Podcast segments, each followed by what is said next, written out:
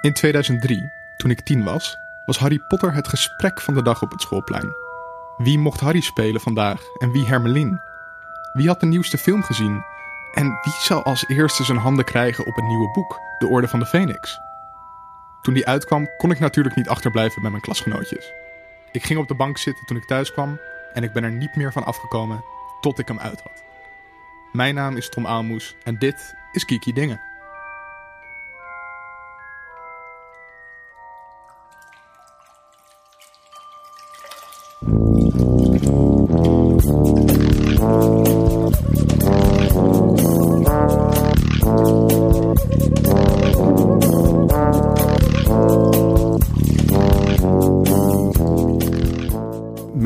Is Sydney Smeets en ik denk dat ik gesorteerd zou worden in Slytherin. Mijn naam is Lynn Fokkens en ik ben ongetwijfeld een Slytherin. Mijn naam is Iris Verhulsdonk en ik was vroeger er altijd van overtuigd dat ik een Slytherin was. Maar naarmate ik wat ouder word, denk ik misschien toch ook een Ravenclaw. Ja, mijn naam is dus Tom Aalmoes en ik dacht vroeger altijd dat ik een Gryffindor zat, maar ik moet nu toch wel toegeven dat ik een Ravenclaw ben. Uh, we hebben vandaag ook twee gasten erbij. Linda is er niet. Um, Lin, wat doe jij zo aan het leven?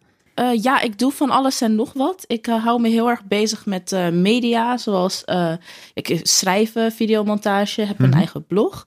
Um, ik ben ook politiek actief bij Bijeen. Mhm. Okay. En nou, ook een beetje met activisme bezig enzovoort. En gewoon heel erg op social media. ja, voor de, voor de leuk, maar ook Mhm. mm-hmm voor wat serieuzere dingen. Nice. Hoe heet je blog? Uh, Lin Fokkens. nou, dat moet te onthouden zijn. Ja. Ja, Iris, uh, kan jij jezelf ook weer even voorstellen? Ja, ik ben uh, Iris Verhulsdonk. En ik, uh, ja, ik hou me ook met veel verschillende dingetjes bezig. Ik was um, redactielid en producent bij Onder Media Doctoren. Oh, ik heb geluid dat dat een hele leuke podcast is. ja, het is een ontzettend leuke podcast. Maar ik ben natuurlijk veel liever hier. Nee, sorry. Dat mag niet, dan worden ze boos op me. En ik ben net klaar met studeren. Ik heb uh, journalistiek gestudeerd en politieke communicatie. En ik doe nu wetenschapscommunicatie hier en daar, onder andere voor Nemo Kennislink. En ik, ja, ik, ik doe een beetje klusjes hier en daar. En, hmm. uh, je bent ja. eigenlijk een soort Rita Skeeter. Dus, uh. Oeh, wow. dat vind ik wel weer heel erg gevaarlijk. Dat vind ik wel heel erg gevaarlijk. Maar uh, ja, misschien wel. Misschien Hmm, wel. Dus dat, ja, dat, dat doe ik zoal. Ja. En we beginnen altijd met uh, een rondje uh, van wat we de laatste tijd voor geekies beleefd hebben. Sydney, mag ik bij jou beginnen?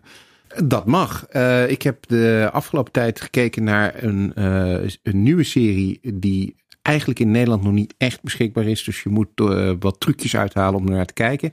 En die heet Titans. En uh, dat is gebaseerd op de uh, Teen Titans, die iedereen uh, wel kent. Van de Teen Titans is zelfs een film in de bioscoop, een tekenfilm. Maar dit is een live-action serie. En het idee is dat Robin, de, de sidekick van Batman. Um, die is inmiddels uit uh, Gotham verdwenen. Die is naar Detroit uh, verhuisd. En um, die ontmoet daar een aantal andere karakters uit het DC-universe. Uh, Starfire, Beast Boy en Raven. En die vormen uiteindelijk, maar dat duurt even, want de serie begint er eigenlijk mee dat ze elkaar nog niet echt kennen. Vormen ze de, de Titans. Ik wil de hele tijd zeggen Teen Titans, maar dit zijn volwassen Titans. En dat is best leuk uh, gedaan. Het is uh, een, een, leuke serie, wat anders qua uh, opzet dan de andere DC-series zoals Arrow en, en The Flash. Dit is veel serieuzer, een beetje grittier. Ja, een um, beetje meer in lijn met het filmuniversum. Ja, van, van, van, van DC. En uh, ja, ik vond wat ik ervan gezien heb tot nu toe best, uh, best leuk. En ik heb ook gekeken naar het eerste deel van een nieuwe serie van uh, Eli Roth. Eli Roth is een regisseur die we kennen van, van horrorfilms. Een acteur die we kennen uit films van onder andere... Um, uh, nou kom ik even niet op de naam. Quentin Tarantino? Juist, Quentin Tarantino. Um, en hij heeft een serie gemaakt die heet The History of Horror. En uh, hij gaat in iedere aflevering een bepaald genre van horrorfilms uh, bespreken. En de eerste aflevering gaat over zombies.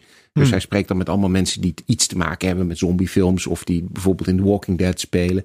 En uh, ja, zo neemt hij een beetje mee door de geschiedenis van de zombiefilm. en dat is, dat is best aardig. Je moet, moet nog even kijken hoe het zich ontwikkelt. Maar het is best Mhm. aardig. Oh, klinkt als iets wat ik wel nodig had voor de vorige aflevering. Ja, precies. ja. Lin, heb jij nog iets uh, gezien of gelezen? Eh, ja, nou, ik ben weer helemaal into Doctor Who. Sinds de dokter is geregenerate naar een vrouw, Jodie Ja. Whittaker. En eh, nou, Stephen Moffat is ook eh, weg. Ehm, er- en dat was, ja, ik was niet zo weg van eh, zijn stijl. Mm. Nee? Ehm, nee, ik heb, vond het altijd heel leuk. Tot aan David Tennant. Ik heb toen Matt Smith helemaal gekeken. En toen dacht ik, ja, ik vind het niet leuk. Maar ik dacht, het ligt niet aan Matt Smith. En toen daarna met Peter Capaldi kon ik het echt niet meer aanzien. Heb ik het Mhm. een paar jaar niet gekeken. En ik weet niet, het, is, het, het zou het toeval zijn dat ik het daartussen niet leuk vond. Nou, ik denk het niet. en ik ben heel erg blij. ehm, ik heb heel erg genoten van zeker de aflevering over Rosa Parks. Vond ik echt een eh, Hm. hele emotional eh, rollercoaster. En ehm, nou, ik vind Doctor Who echt. Ik ben er helemaal. Ik schaam me er niet eens meer voor dat ik, eh, dat ik helemaal eh, weg ben van die serie. Ja, vet. Iris. eh, Ehm, ja, ik ben, ehm, ik ben dus begonnen aan die Sabrina remake. oh ja. The Chilling Ja. Adventures of Sabrina uit Ja. mijn hoofd. Ehm, en ik ben nu bij aflevering drie, heb ik net gekeken. Mhm. De eerste twee vond ik dus super leuk. ik hoopte ook echt dat het een beetje griezelen werd. En dat was het voor mij ook. Ik ben ook wel. Oh, sorry. ik ben. ehm, ja, ik, ik ben wel snel bang. Dus eh, voor Nou. mij is griezelen al. Zeg maar, griezelen is al heel snel griezelen voor mij. Ja. Zeker als het iets met de duivel en zo te maken heeft. Dus ja, ik had, eh, ik had geluk, want dat vond ik dan nog wel leuk. Aflevering drie eh, ging het wat mij betreft een beetje bergafwaarts. Maar Ja. ik heb gehoord van, van Linda, onder andere, dat Ja, ik ja. nog eventjes door moet zetten. Oh ja, dat Ehm. moet dan misschien ook doen. want Ik ben na drie afgehaakt omdat ik het niet om aan te zien vond, die aflevering. Ja, er waren te veel dingen in één keer. Een beetje Mhm. veel tropes die ook uit de kast werden getrokken. Zoals de, de oude man die nog één zaak komt doen en daarna verdwijnt en wegloopt in de mist. Letterlijk. Ja. Ehm, ja, dat, dat, ja, dat lag wat mij betreft er een beetje dik bovenop. dus ik weet niet. Maar ik vind het verder alles eromheen vind ik wel heel erg leuk. Dus Mhm. ik wil nog wel even zien wat ze ermee gaan doen. En een ander ding is dat ik na heel veel jaren van denken, misschien wel, misschien niet, een PlayStation van iemand heb overgekocht. Oh. Ja. Dus de afgelopen tijd ben ik eh, een beetje eh, gaan gamen. Maar ik kan het nog niet zo goed. Dus ehm, eh, ja, ik Wat ben heb je gespeeld? eh, God of War. Ja. Mhm. Ehm, wat ik heel tof vind, ook omdat het eh, de controls wat makkelijker zijn dan bij het Mhm. first-person shooters. Want ik heb ook Bioshock geprobeerd, maar ten eerste Oh, zat leuk. ik tegen het plafond en te gillen en te schreeuwen. en ten tweede kan ik het gewoon nog niet zo goed. Nee. Dus Ja, dat ik, vind ik ook het ehm, probleem met, met Battlefront. Dat ik, dat ik, ik ben gewoon niet goed genoeg met die controller om dat goed te kunnen, kunnen doen. Hm. Eh, maar ik hoorde wel laatst van iemand dat die nieuwe Spider-Man game, moet je wel Spider-Man leuk vinden, maar dat die eh, heel makkelijk is. Hij zei eigenlijk van, nou je kunt op ieder knopje drukken en het gaat altijd wel goed. dus ik denk, nou dat is de game voor mij. Ja, dat klinkt goed inderdaad. ja. Dus eh, ja, ik wil eigenlijk nog wel meer games spelen ook. Ik heb ook wel mensen gehoord dat ik misschien wat meer in de verhaaldingen moet zitten, waar je Hmm, meer keuzes ja. maakt dan dat je echt... eh, Ja, ik heb Elder Scrolls, ehm, Ja. dat soort dingen, ja. Ik heb laatst toevallig eh, Dragon Age eh, weer een beetje herspeeld, omdat ik een tijdje toegang had op de Oh, tv. Eh, en Dragon Age is gewoon heel erg leuk. Gewoon dat, dat soort verhalen in de games vind ik ook heel vet. Er gaat een gerucht, eh, het, het loopt een beetje vooruit, maar er gaat een gerucht dat er een eh, heel mooi nieuw Harry Potter spel aan zit te komen. Hmm. Nee, dat, dat, dat is er nooit Ja. echt geweest Nee, eigenlijk. Ja, dus- ik heb, ik heb er inderdaad een soort van...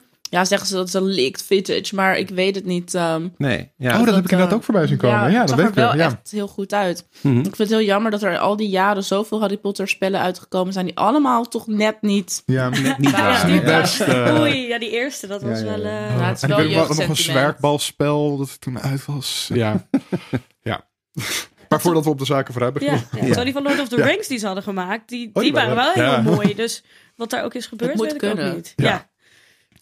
Ja. Eh, ik heb zelf eh, ben ik naar Cool Japan geweest. De eh, tentoonstelling in het Tropenmuseum die Philo Ouweleen had aangeraden. Die een paar afleveringen terug onze gast was. En dat is heel erg leuk. Gewoon een, een soort inleiding in Japanse popcultuur. Een beetje te oppervlakkig voor als je al een beetje bekend bent met anime, Mhm. denk ik. Ehm, want het is heel erg van, dit is Naruto en dit is Goku. Ehm, en dat lijkt dan op een samurai figuur van vroeger. Ja. Ehm, dus daar bleef hij een beetje op de oppervlakte. Maar het is wel heel leuk om al die oude prenten dan naast die moderne game en eh, anime karakters te zien. Eh, dat is heel leuk gedaan. Eh, en ik was begonnen aan Daredevil seizoen 3. ja. Ik heb de eerste twee afleveringen nog maar gezien, Mhm. dus nog niet heel ver.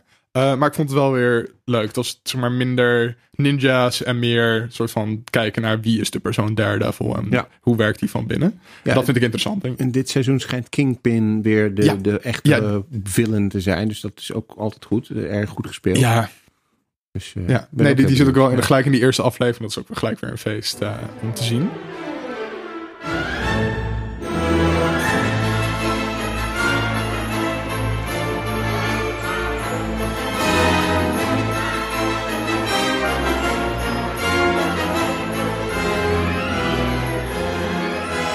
Ja, we gaan het dus hebben over Harry Potter. En ik wil eventjes voor het begin terug naar waar begon. Uh, dus uh, naar de eerste boeken en hoe Harry Potter zo langzaam maar zeker uh, echt een van de best verkopende boeken ter wereld is geworden. Twee na best verkopende boek aller tijden, volgens mm -hmm.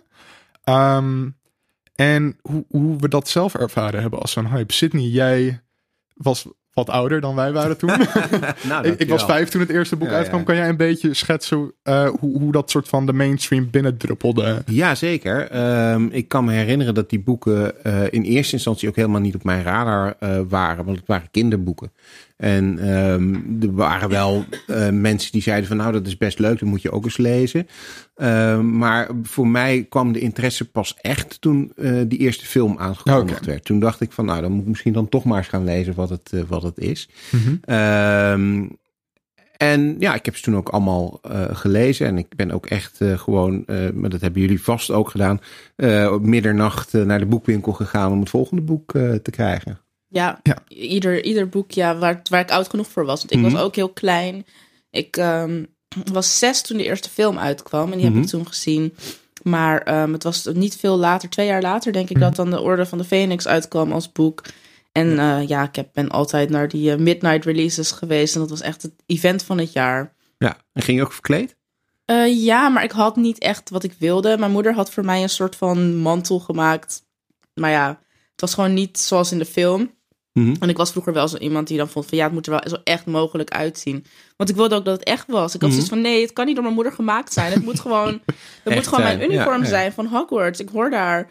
Um, maar uiteindelijk, uh, toen het boek van Cursed Child uitkwam, of nou het boek, het script zeg maar, deden ze ook nog zo'n midnight release. En toen kon ik eindelijk in vol ornaat naar de midnight ja, release. Ja, ja, dat fijn. Ja, wel een paar jaar ouder dan, uh, dan ik toen was. Dus het was iets minder spannend. Mm -hmm. En ja. ik had ook de voorstelling van Cursed Child al gezien, waardoor ik niet meer was van, nou, wat zou er in nee, het boek nee, staan? Maar toch, um, toch was het leuk. Het is wel echt zo'n ding. Ik heb hele warme herinneringen aan die tijd van het um, ook laat opblijven daarna om te lezen. Mm. Ja, Iris, weet jij hoe oud je was toen je uh, voor het eerst uh, een Harry Potter boek las? Oeh, precies hoe oud vind ik moeilijk. Maar ik weet nog wel dat ik denk dat het groep, groep 6 of zo moet ik zijn. Ik denk dat ik een jaar of negen moet zijn geweest eigenlijk. Mm. Dat was een vriendinnetje bij mij op de basisschool. Misschien trouwens nog wel jonger zit ik te denken. Want zij had het luisterboek. Mm. Um, en zij, toen gingen we een weekendje naar Vlieland. En zij had dat luisterboek bij zich. En ik was wel benieuwd wat ze aan het luisteren was. Dus ik ging meeluisteren. En dat vond ik eigenlijk allemaal wel heel erg leuk. Maar uh, ik wilde toen ze eigenlijk lezen. Want ik, ik hield heel erg van lezen. Dus toen, ja, toen, toen ben ik maar meteen aan de slag gegaan. en uh, ja, toen begon het eigenlijk. En op een gegeven moment toen liep ik voor op dat vriendinnetje. Mm -hmm. Omdat zij ja, het luisterboeken las. Of las, luisterde. En ik wilde maar doorlezen. En toen... Uh, wij werden, het was wel apart, want ik, wij kregen dus ook voorgelezen in de klas. Oh. In groep 7 heb ik dat uh, voorgelezen gekregen. Terwijl ik kom uit een vrij christelijk dorp. Dus we hadden niet in ons dorp die midnight releases. Nee. Voor zover ik me kan herinneren. Misschien heb ik het fout. Maar dus die midnight releases hadden we niet. Maar ik werd het wel voorgelezen in de klas. Huh. Maar, ja. ja. Ja, dat, is, dat ging wel heel ver terug. En toen gingen we Harry Pottertje ook uh, spelen altijd. Oh ja. Ja, dus dat was altijd... Uh, ja, en, dat, en dat, dat, dat groeide een beetje door. Inderdaad, van beginnen als dat ik echt nog een kind was. En dan groeide je eigenlijk een beetje met, met iedereen mee, ja. met personages. Dus dan wordt het ook, ja... Het werd ook in het begin was het gewoon een boek wat ik las. En op een gegeven moment werd dat eigenlijk alles waar ik mee bezig was. Oh, nee, ja, ik kan ja. me dat, uh, de, die, want je zei in een christelijk dorp. Uh, ik heb een veel jonger broertje, die is 18 jaar jonger dan ik. Dus dat was ideaal, want die kon ik dan uh, helemaal verkleden als Harry Potter. En die, die vond, het, die vond ik nog leuk ook. Dus, uh, en, en ik kan me herinneren ook wel, want ik kom uit het katholieke zuiden, dat er wel wat gedoe was over de vraag of... Per hekserij. Ja, en of Harry Potter niet eigenlijk heel slecht was voor, voor kinderen. Vooral uit christelijke uh, hoek. Uh, maar goed, wij hebben ons daar natuurlijk verder nooit wat van aangetrokken. Maar uh, er was wel wat controverse over, volgens mij. Ja, daarom was ik ook best verbaasd dat het op mijn school gewoon werd voorgelezen. Zeg maar toen niet, nu wel. Ehm, omdat de, de boekenwinkel waar... Ja, we hadden dus een christelijke boekenwinkel in, eh, in het dorp. Wel echt een prachtige boekenwinkel. En daar weet ik nog dat daar echt een soort debat gaande was... onder de mensen die daar kwamen... of zij dat nou wel of niet moesten gaan verkopen. En uiteindelijk hebben ze toen besloten het wel te verkopen... maar dan moest je dat even vragen. en dan hadden ze er wel een paar liggen. Oh, dat eh, gewoon achter een secret stash. Ja, maar het eh, werd niet echt. eh, Ze stonden niet zo groot opgestapeld van hier is het nieuwe Harry Potter boek. Nee. Forbidden Oh, ja. section of the library. Maar ja, ja. een beetje Oh, dat is ook wel. fijn dat je dat een beetje kan, kan namaken. Ja, en, dat, en, en, en het was wel zo'n oude boekenwinkel met een open haard en alles. Dus het had wel echt die perfecte feeling ervoor. Maar dan stond het boek daar niet. Dus Ja. dat- Ja, ik weet ook nog wel van dat, dat bij mij op de basisschool dan. Ik zat wel op een rooms-katholieke ba- basisschool, maar bij mij werd er nooit een probleem van. Ik weet gewoon vooral nog gewoon een heel schoolplein vol met Harry Potter capejes. Zeg maar. Dat iedereen eh, had dan zo'n dingetje. En dan sommige kindjes hadden dan wel echt zo'n goede cape die van stof was gemaakt. Maar merendeel, waaronder ik, die bang van die nylon dingetjes rond met zo'n speltje erop. Gewoon net. toch dat je leuk. nog eh, een Ik soort had van niet een eens een huis. speldje. Ik had Ja. niks. Het was gewoon, eh, was gewoon zwart. Ja, ik ben toen met carnaval wilde ik per se als Fred Weasley. Oh ja. En toen eh, was een vriendinnetje eh, van mij, die ging dan als George. Dus wij gingen als twee jongetjes met ons haar zo achterover gevouwen. En dan met zo'n spuitbus gewoon. En van die hadden we gemaakt. Mhm. En dan had mijn moeder gewoon de letters op de op de truien genaaid. Oh, Wat leuk. Ja, want ik wilde per se als, als, als, als Fred. oh, Fred was, niemand, wel, ja. eh, Fred was wel de leukste van de, van de, van de tweeling. Ja, dat vond ik Van de dus twee ook. exact dezelfde. Nee, nee, nee. nee. Fred, Fred was toch altijd wel meer een beetje de leider en, Mhm. en een beetje de echte deugniet, vond ik dan. En dan was George, die was, ook, die was vooral gewoon heel grappig. Mhm. Ja, Ze waren wel echt anders. Ja, ik vond. En ik vond misschien de naam, vond ik ook. Want toen ik nog heel jong was, snapte ik niet dat het George moest zijn. Dus ik dacht die George heette. En dat vond, en dat vond ik zo'n lelijke naam, dat, daar snapte ik helemaal niks van. Dus toen moest mijn moeder me toch uitleggen dat het, eh, ja, dat het Engels was ook. Ja. Ja. Ja, ik was ook laatst die boeken aan het herlezen. En toen snapte ik ook ineens waarom dat zo'n succes was voor gewoon heel veel kleine kinderen. Of tenminste van, van mijn leeftijd destijds. Van ik was denk ik zeven of acht toen het voor het eerst uitkwam. Mhm. Maar het is zo erg wish fulfillment voor kleine kinderen. Vooral het eerste boek wat ik nu dus heb herlezen. Dat gewoon alles eraan is van je hebt een saai leven. Het is kut, je wordt gepest. Ehm, en dan heb je ineens heel veel geld Mhm. in een kluis. En je bent een tovenaar. En er is magie. En er is magisch allemaal eten op je bord wat je super lekker vindt. Het is echt gewoon pure wish fulfillment voor een, een klein kind of zo. Dat vond ik heel grappig. geldt ook.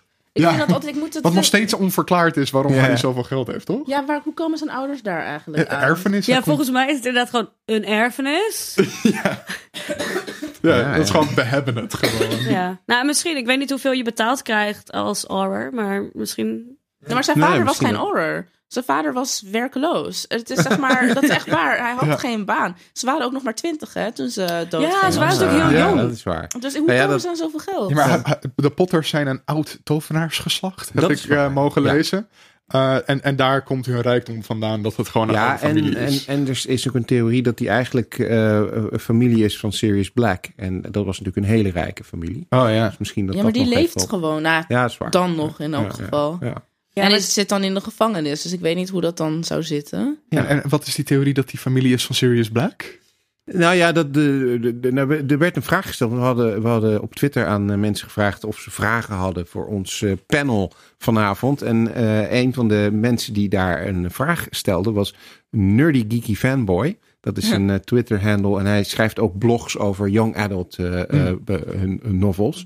En hij vroeg, wat is de meest bizarre maar plausibele fantheorie van het Harry Potter-universum? En hij zei vervolgens dat hij heel veel zin had dat deze podcast kon gaan luisteren. Dus toen was ik een beetje aan het kijken. En nou ja, dat was dus een van die dingen, is dat Harry Potter en Sirius Black familie van elkaar zijn. Hoe het precies zit, dan moet je maar even, even eh, googlen.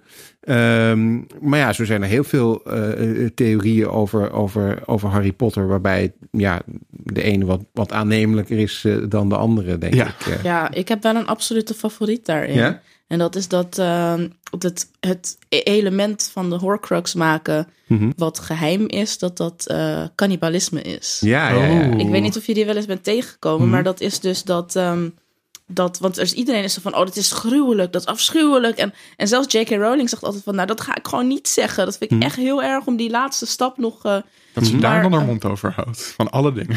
maar het was zo van, ik weet niet meer precies wat het nou was, maar het- ik, ik, ik, had er, ik had er even iets beter over kunnen nadenken. Ik wist natuurlijk niet dat deze vraag zou komen.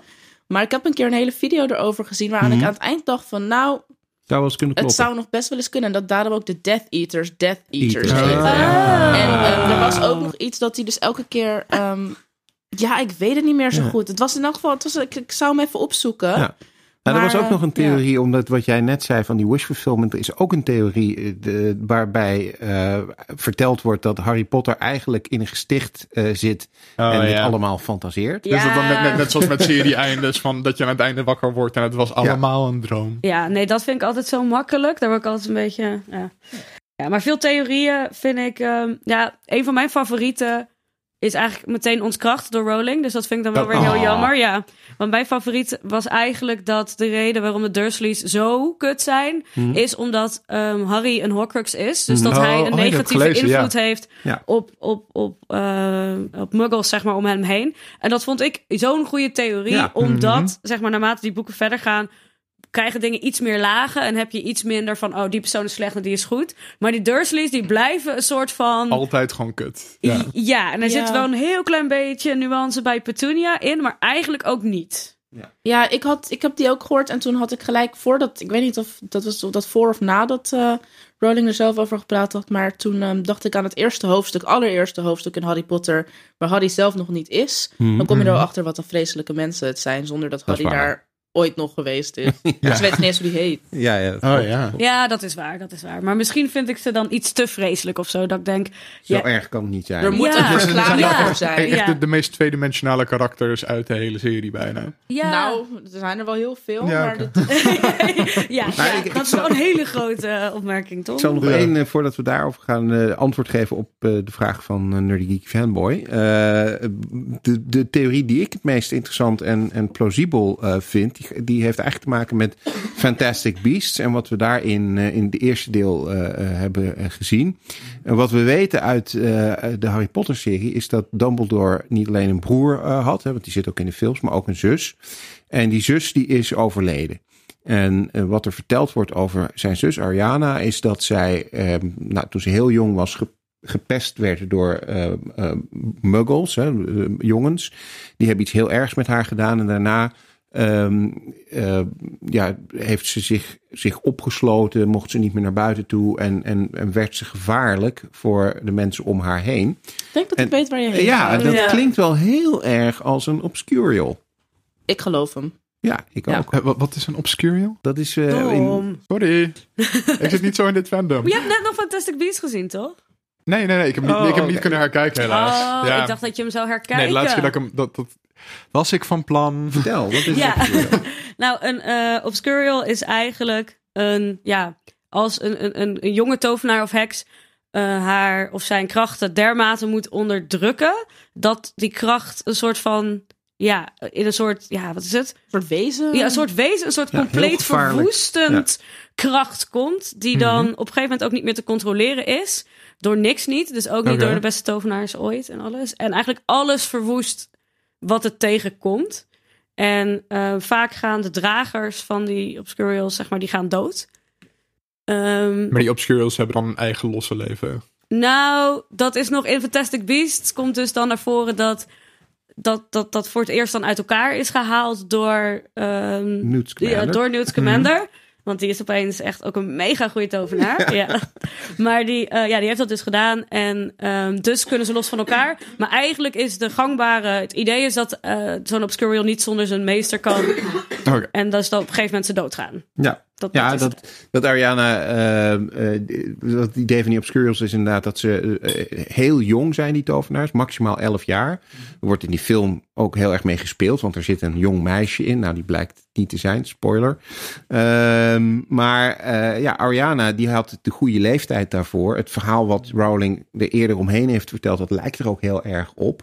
En het zou misschien kunnen verklaren waarom Newt Scamander geïnteresseerd is in Obscurials. Omdat hij natuurlijk Dumbledore eh, goed kent. Hmm. Ehm, dus ja, wie weet. Als het zo is, zou ik dat wel heel vet vinden, moet ik Ja. zeggen hoor. Want Ja. dan, Ja, vaak vind ik wel dat... Ik ben helemaal gek van Harry Potter, de boeken en alles. Mhm. Maar ik heb vaak met sommige dingen dat ik denk dat Rowling iets moois is begonnen... maar het dan net niet afmaakt. Mhm. En als dit zo'n rondje zou vormen nu met de Ja, dat Fantastic dat gewoon Beasts... daadwerkelijk goed bedacht is. zou- dan, dan zou ik daar wel heel... eh, Het zou ook verklaren waarom Grindelwald zo ehm obsessed is met Credence. Ze zijn het achter Credence aan. En eigenlijk omdat hij dat zusjes doet. Maar die heeft natuurlijk Ariana meegemaakt. Ja. Ja, ja, ja. ja, want het Ah. idee is dat Ariana uiteindelijk eh, overleden is in een gevecht tussen Dumbledore, zijn broer en Grindelwald. En geen van die drie weet precies eh, door wie Ariana gedood is, maar ze is in dat gevecht gedood. En Grindelwald eh, is op dat moment gevlucht, omdat hij eh, nou, sowieso niet zo'n goede reputatie had. Dus die Mhm. wilde daar niet lang in de buurt eh, blijven. Ehm, dus ja, spannend. Ben wel benieuwd. Maar dat, dat gaan we dan misschien zien in, in de nieuwe volgende film. Hmm. Zou ik trouwens even wat water mag? Ik kan er niet Natuurlijk. Ga je gang. Dus eh, ja, dat, dat, dat was de eerste vraag. Maar Ehm, ja, ehm, nu even kijkend naar, zeg maar, als we de boeken nu weer een tijd later weer lezen. Gewoon dat we Mhm. niet meer zeg maar, die jeugdige naïviteit hebben. Of ja, een jeugdige naïviteit. Beetje flauw. Ehm, Mhm. Maar is dat dan nog hetzelfde als jullie daar nu naar terugkomen, denken jullie? Nou, ik, ik, nou, denk je. Ik heb dat. Oh, ik, ja. ik, ik- ja, ik herlees ze heel vaak Ja, ja. eigenlijk. Mhm. Dus dat is niet denken in mijn geval. Ik heb een aantal jaar geleden de hele reeks gekregen voor mijn verjaardag. Die heb ik toen weer gelezen. En voor mij werkt het. Dat is niet hetzelfde als toen natuurlijk. Maar het werkt voor mij eigenlijk best wel therapeutisch. Mhm. Ehm, die Mhm. boeken zijn ook echt wel heel belangrijk voor mij geweest. En nog als ik een tijdje niet zo lekker in mijn vel zit, ga ik ze weer lezen. ja. Dus het is ook, ja, het is echt. eh, lees je dan in het eh, Engels of in het Nederlands? Ik lees ze in het Engels nu, maar ik heb ze oorspronkelijk wel de helft. Nou, ik heb tot en met vijf toen in het Nederlands Mhm. gelezen. Toen ging ik over naar Engels. Terwijl ik eigenlijk net te jong was, dus ik begreep de helft eigenlijk niet. Maar dan ging ik aan niemand toegeven. Waardoor ik toen had gemist dat Dumbledore dood was aan het eind van boek 6. Dan, heb Oh, je, ja. dan heb je niet goed gelezen, kan ik je vertellen. Nee. Maar ehm, nee, maar het is dus... Ik lees nu in het Engels. Ik vind ze wel, hoewel ik de vertalingen wel goed vind... vind ik de, ehm, de boeken... Ik open even een boterbiertje. Oh. Ja, lekker boot. Die we hier gewoon op tafel hebben staan. Lukt het? Ja, lukt het. En niet alleen dat, hè. We zitten met allemaal eh, ch- choco-kikkers en... eh, Ja, en smackies in alle smaken. Ja, oh my god, het is echt geweldig. dus ik ben nu ook, zeg maar, toen ik hier binnenkwam, gingen mijn ogen werden ook meteen helemaal groot. Omdat ik dacht, wauw. Dus nu voel ik me wel weer helemaal, weet je, zo, zoals vroeger. Ja, ik heb dat ook met al die Harry Potter dingen. En dan kom ik over van ja, Harry Potter, het is toch eigenlijk niet zo goed geschreven. En eigenlijk dit en dat. En dan zie ik één ding, zoals inderdaad zo'n boterbiertje. En ik, oh, Harry Potter is wel echt... Ja, ja, precies. Dus het, het, het komt telkens opnieuw op of zo. En ik kan, Hmm. nou dat zullen we straks wel doen. Ik heb heel veel dingen, dat een van mijn eh, lievelingsdingen is ook gewoon het een beetje belachelijk maken. Om alle fouten die erin staan en die vervolgens niet worden toegegeven. Dat vind ik heel grappig. Ik kan daar uren over praten, ook met vrienden. Maar al met al ben ik er zo ontzettend gek op. En ja, ik lees het gewoon nog zo graag. En ja, nee, het is, ja, Leuk. dat gaat niet over, denk ik. En hoe was dat voor jou? Want het is eh, denk ik inderdaad zo dat je het als kind nou ja, gewoon heel anders leest dan eh, als, als wanneer je volwassen bent. Ja, zeker. Ik had als... eh, oh, nou, ik weet het eigenlijk niet. Dus, dus, want ik, ik heb natuurlijk... Ontsnap je ook Mhm. een beetje naar die wereld. Ehm, en dat heb ik nu nog steeds en had ik toen ook. Alleen, ehm, ik had natuurlijk vroeger, had ik er, was het nog een verrassing Mhm. wat er ging komen. Was nog echt spannend. Dacht ik, nou, want ik moet soms denken aan het moment dat, eh, dat Harry dus terecht stond. Omdat hij eh, underage magic gebruik Oh, had. Gebruikt had.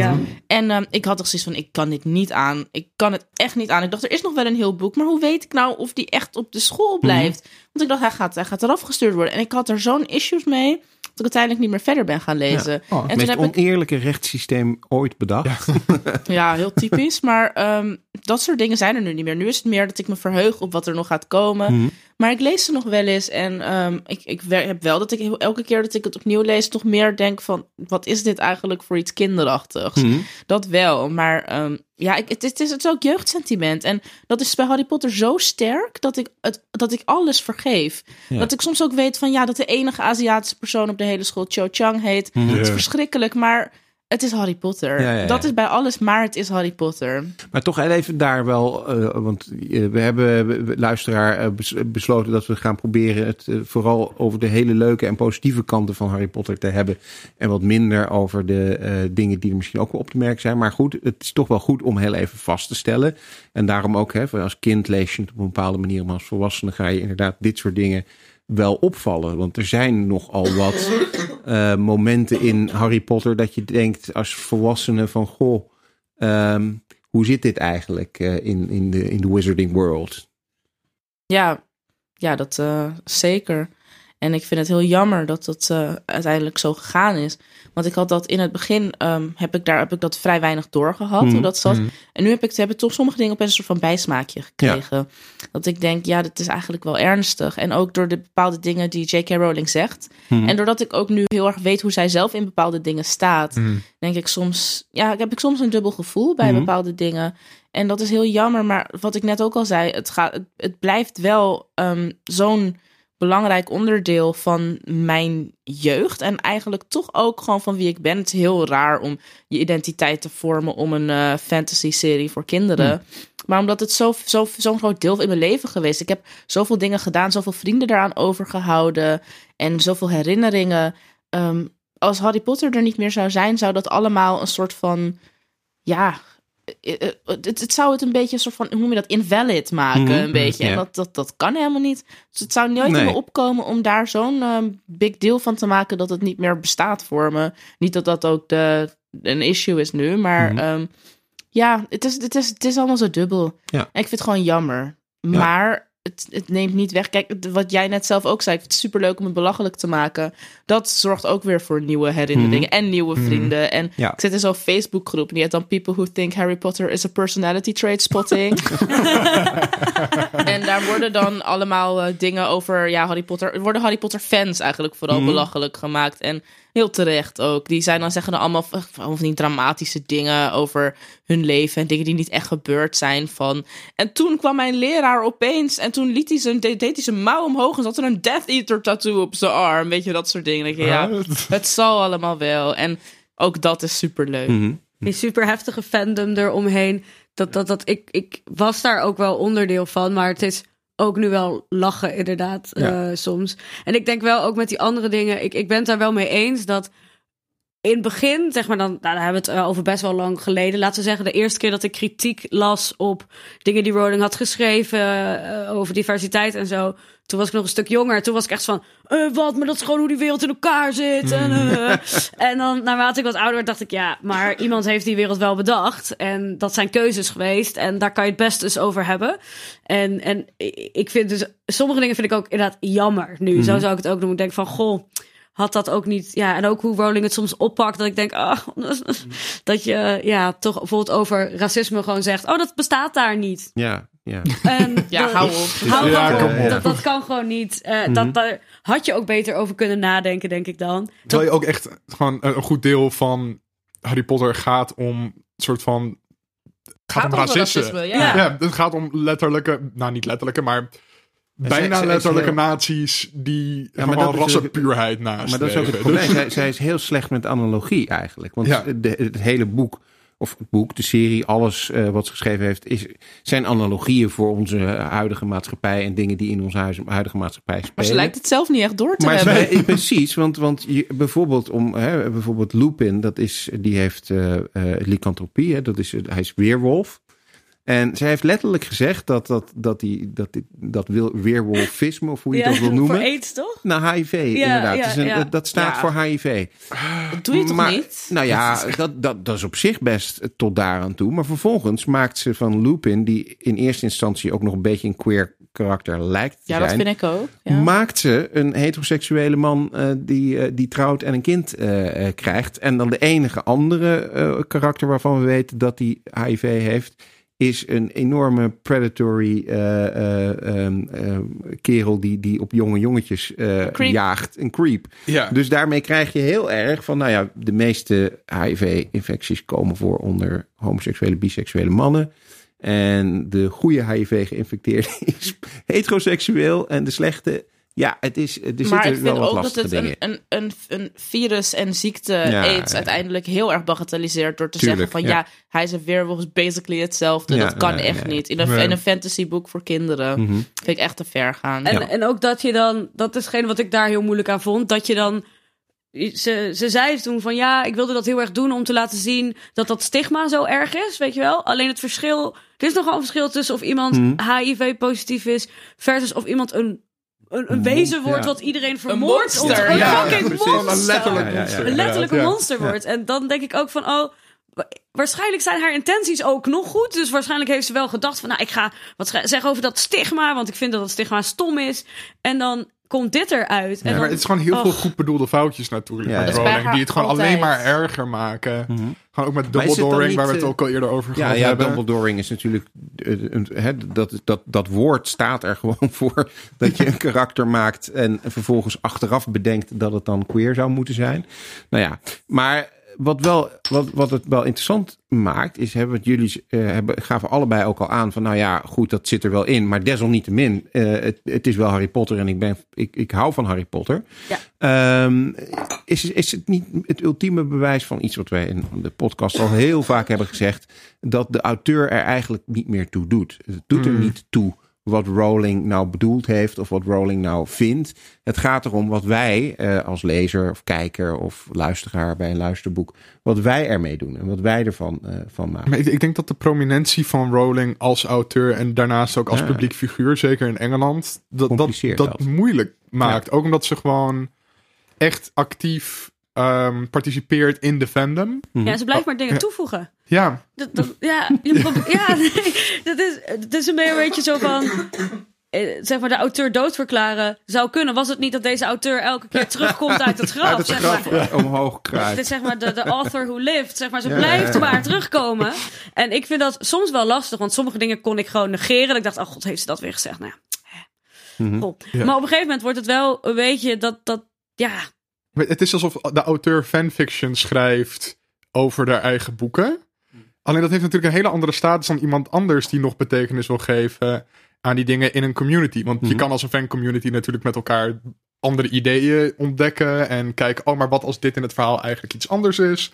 Ehm, en zelf vervolgen erop schrijven. Maar als de auteur dat gaat doen, dan heeft het gelijk zo'n Ja. zoveel autoriteit binnen zo'n fandom dan. Het is ook door Pottermore, waar ze gewoon Ja. de hele tijd heel veel nieuwe informatie toevoegt. En, en wij willen die informatie stiekem eigenlijk wel. Mhm. We zijn zeg maar toch wel heel blij als er opeens een heel verhaal staat over Umbridge en haar jeugd en alles. Ja. En dat nemen we dan heel veel Ja. serieus. Dan is het toch van, oh, oké.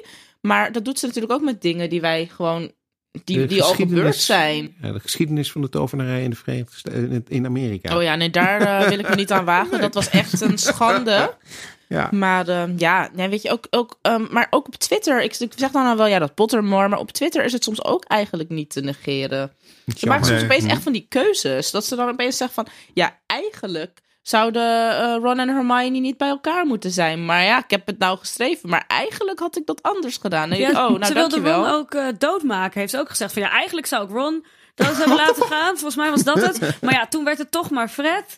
En dan het ergste wat ik ook trouwens vind, maar dit is ook Dat weer het Fred is eentje echt zo'n throwaway character dan. waar ik eigenlijk, nou, dit is eigenlijk heel cru, maar dit vind ik dus weer iets waar ik heel hard dan ook een beetje om, om, om kan lachen, maar ook moest huilen. Dat Rowling dan ook gewoon heeft gezegd van, ja, ehm, na, na de dood van, wat is het nou?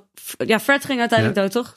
Ja, Mhm. Correct me if I'm wrong. Nee, goed. Ik, ik dacht even in de war. Nee, maar als als Fred dan dood zei ze... Ja, George is er nooit overheen gekomen. En hij blijft zijn hele leven ongelukkig. En hij kan nooit meer een Patronus eh, produceren.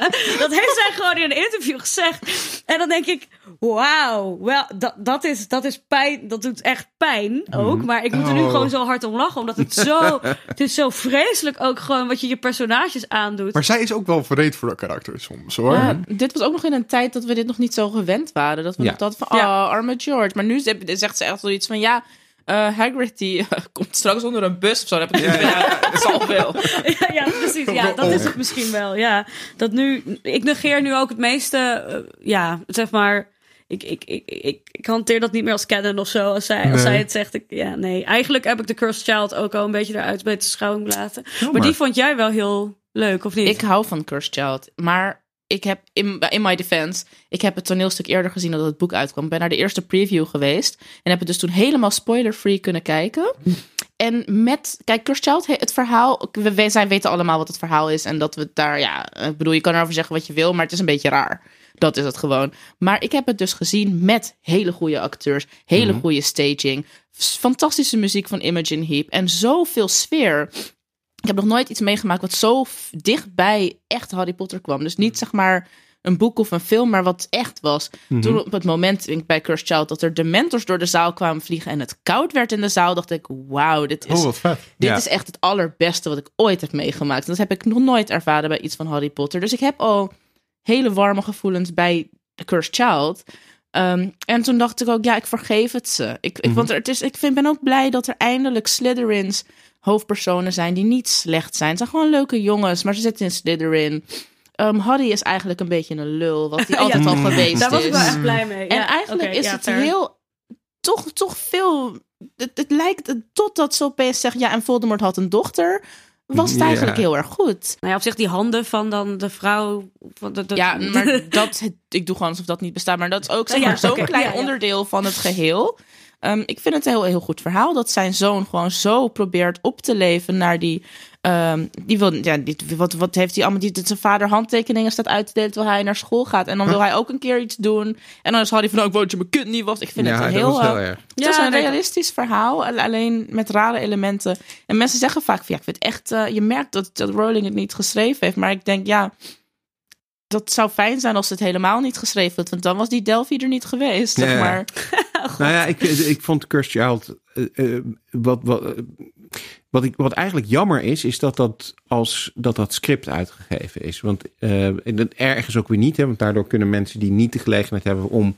Nou ja, toch eh, best wel ver te reizen om, eh, om, om, om dat toneelstuk te zien, kunnen toch meekrijgen. Maar je, je mist zo ongelooflijk veel Ja, als je niet toneelstuk ziet. Want er zit zo ongelooflijk veel meer in dat toneelstuk dan in die tekst staat. veel meer, ja. Ja, en eh, het is echt een toneelstuk. En, en eh, dat kun je eigenlijk, ja, je kunt het niet echt vangen in dat boek. En ehm, daardoor denk ik ook dat de reputatie die het stuk heeft eh, iets slechter is dan het verdient. Want het stuk is best wel heel goed. Het is fantastisch, ja. Ehm, ja, dus ik kan alleen maar zeggen, probeer als je de gelegenheid hebt daar naartoe te gaan. Maar ja, het is wel eh, in Londen. Dus, Ja, kan ook Heeft het iedereen, ooit eh, in Nederland gespeeld eigenlijk? Echt? Of speelt gaat het alleen in Londen op dit moment. Nee, het speelt in Londen en New York nu. New York. En het opent ook volgend jaar in Australië. Oké. Nee, je Maar kunt ook naar ehm, Australië. ja, dat is misschien iets dichterbij. Nee, maar ik kan het. Ik zeg maar, iedereen die het nog niet gelezen heeft en van plan is dat te doen, doe het niet. Hmm. Nee, dat zou ik dan ook Ja. willen zeggen. Want ik heb hem dus. eh, nee, ik heb hem alleen gelezen. En ik heb wel ook inderdaad met mensen gesproken die er naartoe zijn gegaan. En die zeiden ook van ja, je had hem gewoon niet moeten lezen. Je had hier Ja. gewoon bij ons moeten zitten. Dat is ook waar. Had ik wel Ah. moeten Kan nog. Ehm, Ja, ja, ja, ja, ja. Ik Maar, denk dat eh, het toch wel op mijn lijstje komt. eh. Maar sh- shippen jullie eh, Scorpius en Albus? ja, ja, jawel. Ja, maar Jawel. ook alleen omdat het kan. Mhm. Zeg maar, ik vind het heel. eh, ik zou het zo fijn vinden. Het zou zo leuk zijn. Maar Mhm. aan de andere kant is het queerbaiting, vraag ik me dan af. Want ze hebben ons wel de hele tijd een beetje er warm voor gemaakt. Uiteindelijk was hij van, nou, nu ga ik Rose mee uitvragen. Aan de andere kant denk ik, het is ook heel erg mooi. Om zo'n hechte, warme, liefdevolle vriendschap tussen twee adolescente jongens te Mhm. doen. Dat is ook heel mooi. Dat zie je nooit. Het zijn Nee. altijd zo van die matenmakkers. En als ze gewoon tussen van, Ron en Harry. Harry. Ja, Mhm. maar twee hele liefdevolle jongens die gewoon op die manier een vriendschap hebben, vind ik ook heel mooi. Dus op zich maakt het me niet uit, maar ik vind het wel zonde dat er weer een gelegenheid was voor queer karakters en dat die Mhm. niet is aangegrepen. Ja, wat toch ook wel weer een patroon is bij Rowling natuurlijk. Ja, absoluut. Maar ja. Ja. Eh, kunnen, we, kunnen we het hebben over het, het fandom? We we hebben het Ja. al kort eventjes over gehad, maar no- nog niet echt als onderwerp. Ehm, ik hoorde ergens in een podcast dat dat gewoon een soort miraculeuze samenkomst was tussen de opkomst van het internet en de populariteit van Harry Potter. Dat het Harry Potter fandom zo groot is geworden zo vroeg al. Mhm. Ehm, wat wel interessant is, want blijkbaar is ook Rowling heeft heel bewust de keuze gemaakt om in die vroege tijden van het internet niet ehm fancommunities te vervolgen, wat andere filmstudio's Nee, blijkbaar wel deden. Ja. Ehm, Nou ja, het is, het, het is een. Nou ja, ik, nee, ik weet er niet heel veel van. Maar het is inderdaad zo dat de, de Harry Potter eh, boeken uitgegeven werden in een tijd dat het internet eh, en toegang tot het internet eigenlijk op begon te komen bij de gewone mensen thuis. Daarvoor had je natuurlijk ook wel internet, dat bestond wel. Uh, maar heel veel mensen hadden thuis geen computer waar je mee op internet uh, kon. En uh, rond het moment dat die boeken uit werden gegeven was dat wel zo. En dat betekende dat heel veel mensen elkaar gingen opzoeken op forums om te praten over die boeken en contact met elkaar te leggen. En dat breidde zich natuurlijk al heel snel uit tot ja, gewoon echte contacten. En um, ja, dat, dat heeft die community volgens mij nog steeds heel erg. Dat heel erg veel fora en, en Facebookpagina's en, en fandagen waarbij mensen elkaar uh, ontmoeten. Um, dat dat nog steeds uh, iets is. Je hebt natuurlijk ook een, een, een hele fanorganisatie van, van Harry Potter fans die zich inzetten voor goede doelen. Hmm. Hè, voor social justice en, en dat soort dingen. Um, dus het is wel een vrij unieke uh, fanbase volgens mij. Ja, ik was zeg maar zo jong dat ik überhaupt het woord fandom niet kende terwijl ik er middenin zat. Want ik, ik zat op een, uh, was een Nederlands forum, dat is dreuzels.com mm -hmm. slash forum. ja. dreuzels.com was zelf een site en daar stond gewoon heel veel informatie op. Maar als je liet sorteren, dan zeiden ze ga naar je huis op het forum. Mm -hmm. Dus ik, ik, ging dat doen en toen kwam ik dus op dat forum terecht. En ik was toen echt tien of elf. En um, toen ging ik daar gewoon eerst de hele tijd over Harry Potter praten. En toen ging ik op mijn elfde al naar mijn eerste meeting. Um, in het Dolfinarium in Harderwijk. Ja. En mijn moeder ging met me mee. Want die vond het een beetje raar dat ik met mensen van het internet ging afspreken. Ja. Dit valt natuurlijk ook een beetje samen met de tijd dat iedereen nog zei: niet je voornaam aan mensen geven op het internet. Want dat is heel mm -hmm. gevaarlijk. Mm -hmm. um, dus mijn moeder ging mee. En toen waren daar ook gewoon allemaal wel ietsje oudere mensen. Ik was wel echt een van de jongste. Maar die gingen gewoon een dagje naar het Dolfinarium. En toen ging ik daar naartoe. En toen had mijn moeder gezien, nou, dat is eigenlijk wel prima. En sindsdien ging ik ook in mijn eentje er naartoe. Dus op 12, 13-jarige leeftijd ging ik het hele land door om mijn vrienden van dat uh, forum te, te ontmoeten. En ik, ja, ik, ik zat nou, elke minuut van de dag ongeveer op dat forum. Spreek je nog steeds mensen uh, uit die tijd wel eens? Ja, niet, uh, niet heel veel meer, moet ik zeggen. Zij... Um, ja, het is één iemand die ik nog wel eens spreek via Twitter. En die zal denk ik ook wel luisteren. Hallo. en nog, en nog, nou, nog twee anderen ook nog wel eens via Twitter. Maar ik ben vroeger wel echt ook met ze op vakantie gegaan en dergelijke. Dus dat was wel, dat is wel hecht. Maar daartussen was het ook, we hadden daar op dat forum een, een, een RPG. Waar je zelf, zeg maar, gewoon al schrijvend een personage van jezelf moest maken. Mm -hmm. Binnen ja, de Wizarding World. En dan ging je gewoon schrijven met elkaar. Dus daar begon ook mijn, ja, daar ben ik begonnen een beetje met schrijven. Uh, en ja, dat, dus, dus daar was ik al mee bezig. En dat, ja, dat was gewoon heel, ja, heel veel. En Harry Potter was mm. wat dat betreft. Dat werd op een gegeven moment meer een leidraad voor eigenlijk gewoon verhalen schrijven. Um, maar daarvoor was het echt alles als Harry Potter gewoon. Ja, ik uh, ken mijn partner, huidige partner van een Harry Potter forum oh, van vroeger. Uh, nou ja, we kenden elkaar van het forum. We waren geen vrienden of wat dan ook. Maar we zaten allebei ook op zo'n soort forum, Wizard Zone. Mm -hmm. En uh, ja, en daar um, ja, ook hetzelfde soort meetings gingen we naar Rotterdam en uh, disco bolen. En ik weet, nice. weet het allemaal niet. En naar de, inderdaad naar de dierentuin. En allemaal van die uitjes. Gewoon mm -hmm. een beetje zo wat je zeg maar dan denkt dat van die gepensioneerden doen met elkaar. Dat deden wij dan als tieners. En allemaal kenden we elkaar van Harry Potter, maar we hadden het daar niet per se over of -hmm. zo. Nou, en ik, uh, nou, dus mijn, mijn vriendin, die was daar, was daar dan ook. Ik, ik, ging niet per se heel veel met haar om. Het waren heel veel mensen. Je had een soort van vriendengroepjes mm. daarbinnen. Maar um, ik kwam haar een paar jaar later, of een paar jaar later, een paar jaar geleden eigenlijk, want het was echt in 2006 of zo, jaren opgezeten hoor. Maar ik denk in uh, rond 2015 of zo kwamen we elkaar weer tegen via, want zij had een, uh, ook zo'n uh, RPG had ze opgezet. En ik dacht, nou, maakt het uit, ik kan er wel weer een keertje opgaan. En nou, toen bleek het dus dezelfde uh, persoon te zijn als mm. van uh, Wizard Zone. En uh, nou, nu zijn we al, hoe lang zijn we samen? Drie jaar. Ja, dus oh. dat is wel, leuk. Dat is wel heel grappig. Is, maar, is, is zij ook een Slytherin? Of? Ja, zij is ook oh, een Slytherin, okay. zeker. Ja, ja, ja. Ik zou ook niet met iemand anders gaan nee. hoor. Nee.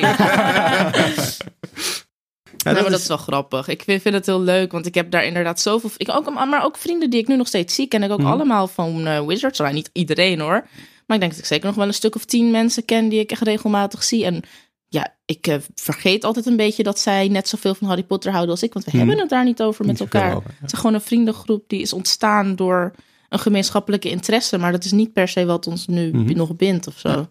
Dat is wel grappig, want het is, er zijn natuurlijk wel andere, uh, heel veel andere fandoms. En daar, daar zijn ook heel veel fans die elkaar ontmoeten en, en leren kennen. Maar het lijkt wel zo te zijn dat het voor Ha- Harry Potter nog meer zo is. Hè? Dat het echt gaat om eh, een community. En dat, daar gaat natuurlijk de, de verhalen van Harry Potter gaan er ook over. Mhm. Hè, dat hij het niet in zijn eentje kan en dat hij zijn vrienden nodig heeft en zo. Maar eh, ja, dat, dat, dat, die community spirit, dat is wel iets wat bij dat Harry Potter fandom hoort volgens mij. Ja, ik, ik denk ook gewoon dat gewoon überhaupt dus, dus de structuur van de Harry Potter wereld, dat je dus Mhm. die huizen hebt, dus dat je binnen Mhm. de Harry Potter fandom ook kleine subgroepjes hebt waarbij je dan kan samenclusteren, helpt daar natuurlijk ook wel heel erg bij dat je gewoon jouw soort mensen kan vinden binnen die fandoms. En het klopt ook nog vaak. Het is heel grappig, want het is natuurlijk allemaal zo bedacht door, door die ene vrouw. Maar toch Mhm. ehm, is het een soort van, ja... Ik heb wel toch een soort van echt een link meestal met, met mensen die zeggen... ik ben Slytherin. En vaak hebben we ook allemaal onze eigen redenen waarom we ons daarmee identificeren.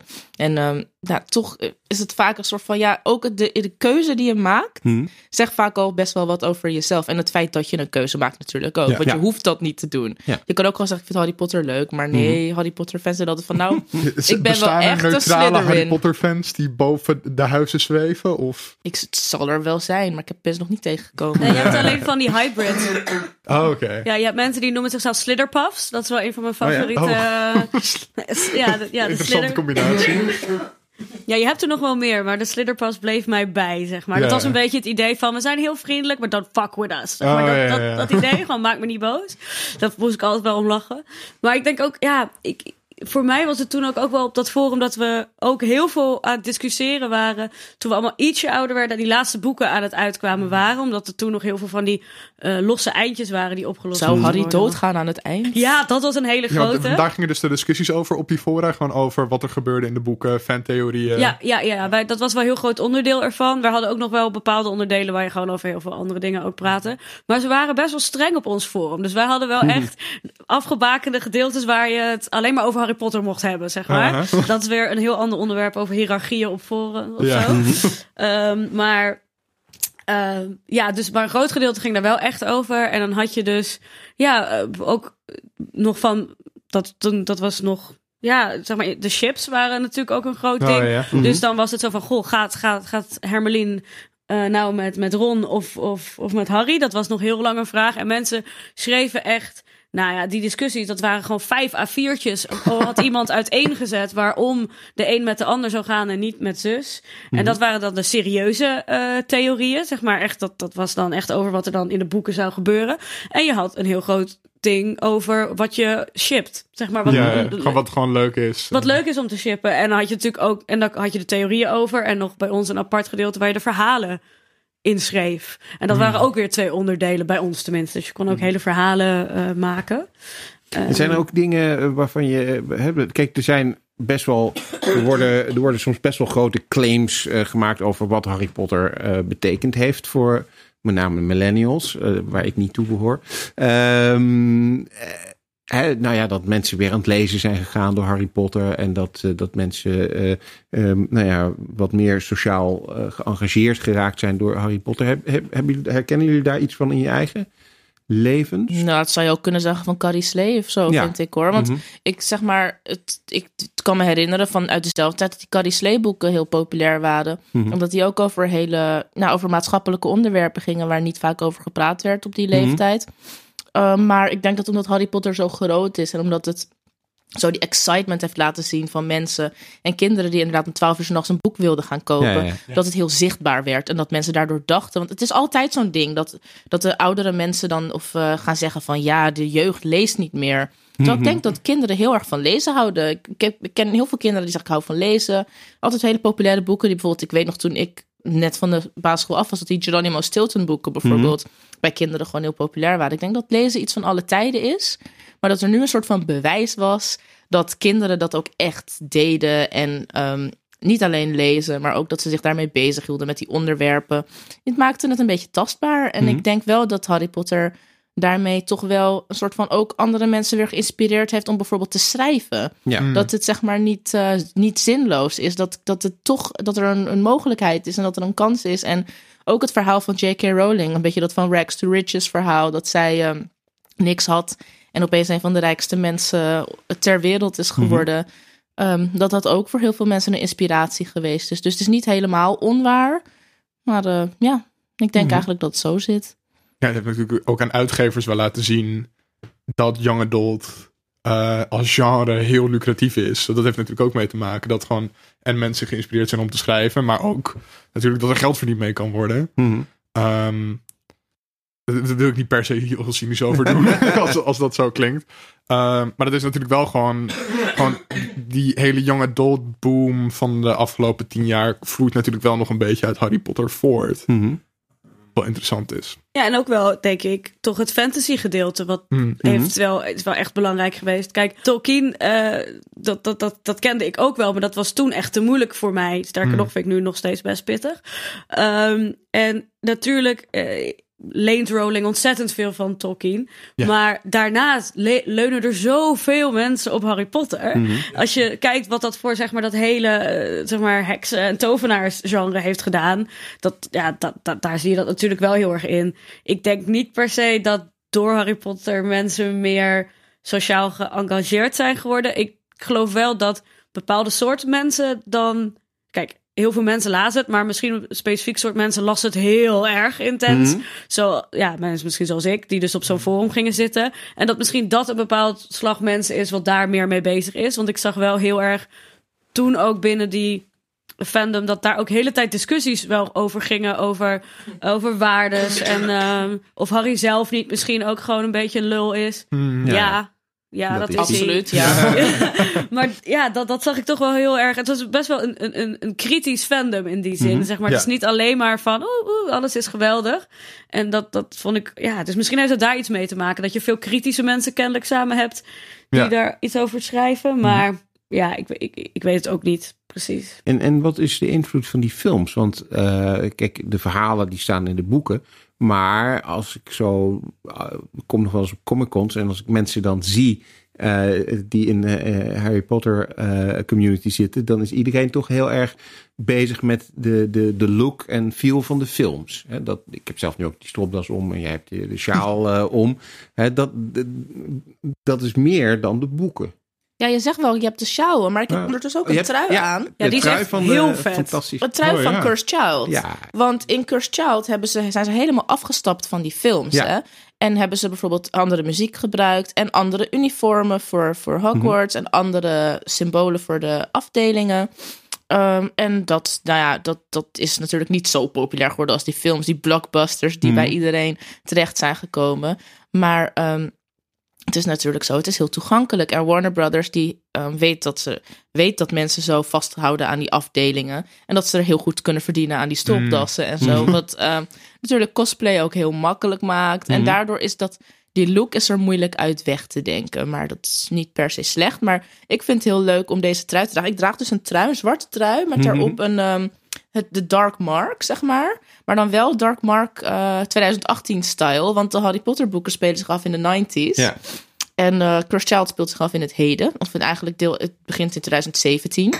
Ehm, dus dit, eh, nou ja, zonder al te veel te spoilen. Mhm. De Dark Mark komt in het verhaal. En die ziet er dan eh, heel anders uit. Onherkenbaar als je de films gezien hebt.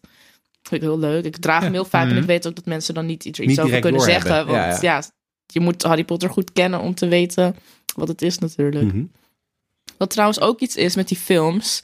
Ehm, ik, het viel me op na de laatste film, die dus in twee delen gehakt werd. Mhm. Dat daarna al die young adult verfilmingen Ja. een, eh, Ja, ja, ja. een, was een, een een- trend, een- een inderdaad. laatste deel 1 en 2 kregen. En dat was echt, eh, dat, dat had niet gehoeven van mij.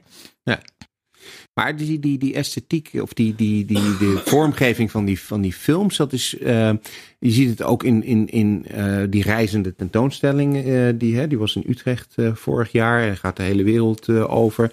Je hebt in Londen de studio tour waar je naartoe kan. Waar je de, nou ja, de oorspro- oorspronkelijke Mhm. sets en dat soort dingen kan bekijken. Het, het, het, het heeft kennelijk toch iets.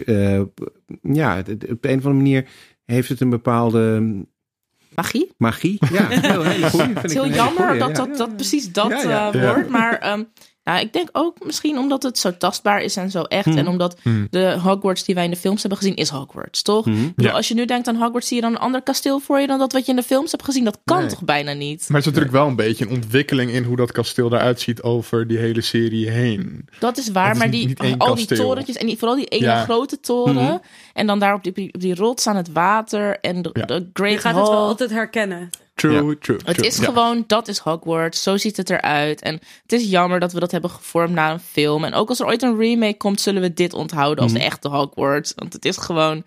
Het, het is omdat ook die boeken en films kwamen eigenlijk een beetje tegelijk. Hè? Want ze zijn nog gaan Mhm. verfilmen Ja. toen, nog maar, toen nog maar twee boeken uit waren Ja, eigenlijk. ze, ze hebben ook heel erg slim alles getimed met elkaar. Dat ze dan nieuws over de boeken en nieuws over de films deden ze dan een maandje uit elkaar uitbrengen. Zodat het elkaar niet in de weg zat. Maar dat het wel allebei bijdraagde aan de hype voor Ja, ja. zowel de films als de boeken.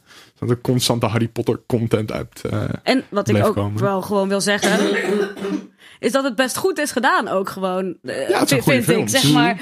Ehm, dat is, toen ik ze voor de eerste keer zag, vond ik dat natuurlijk niet.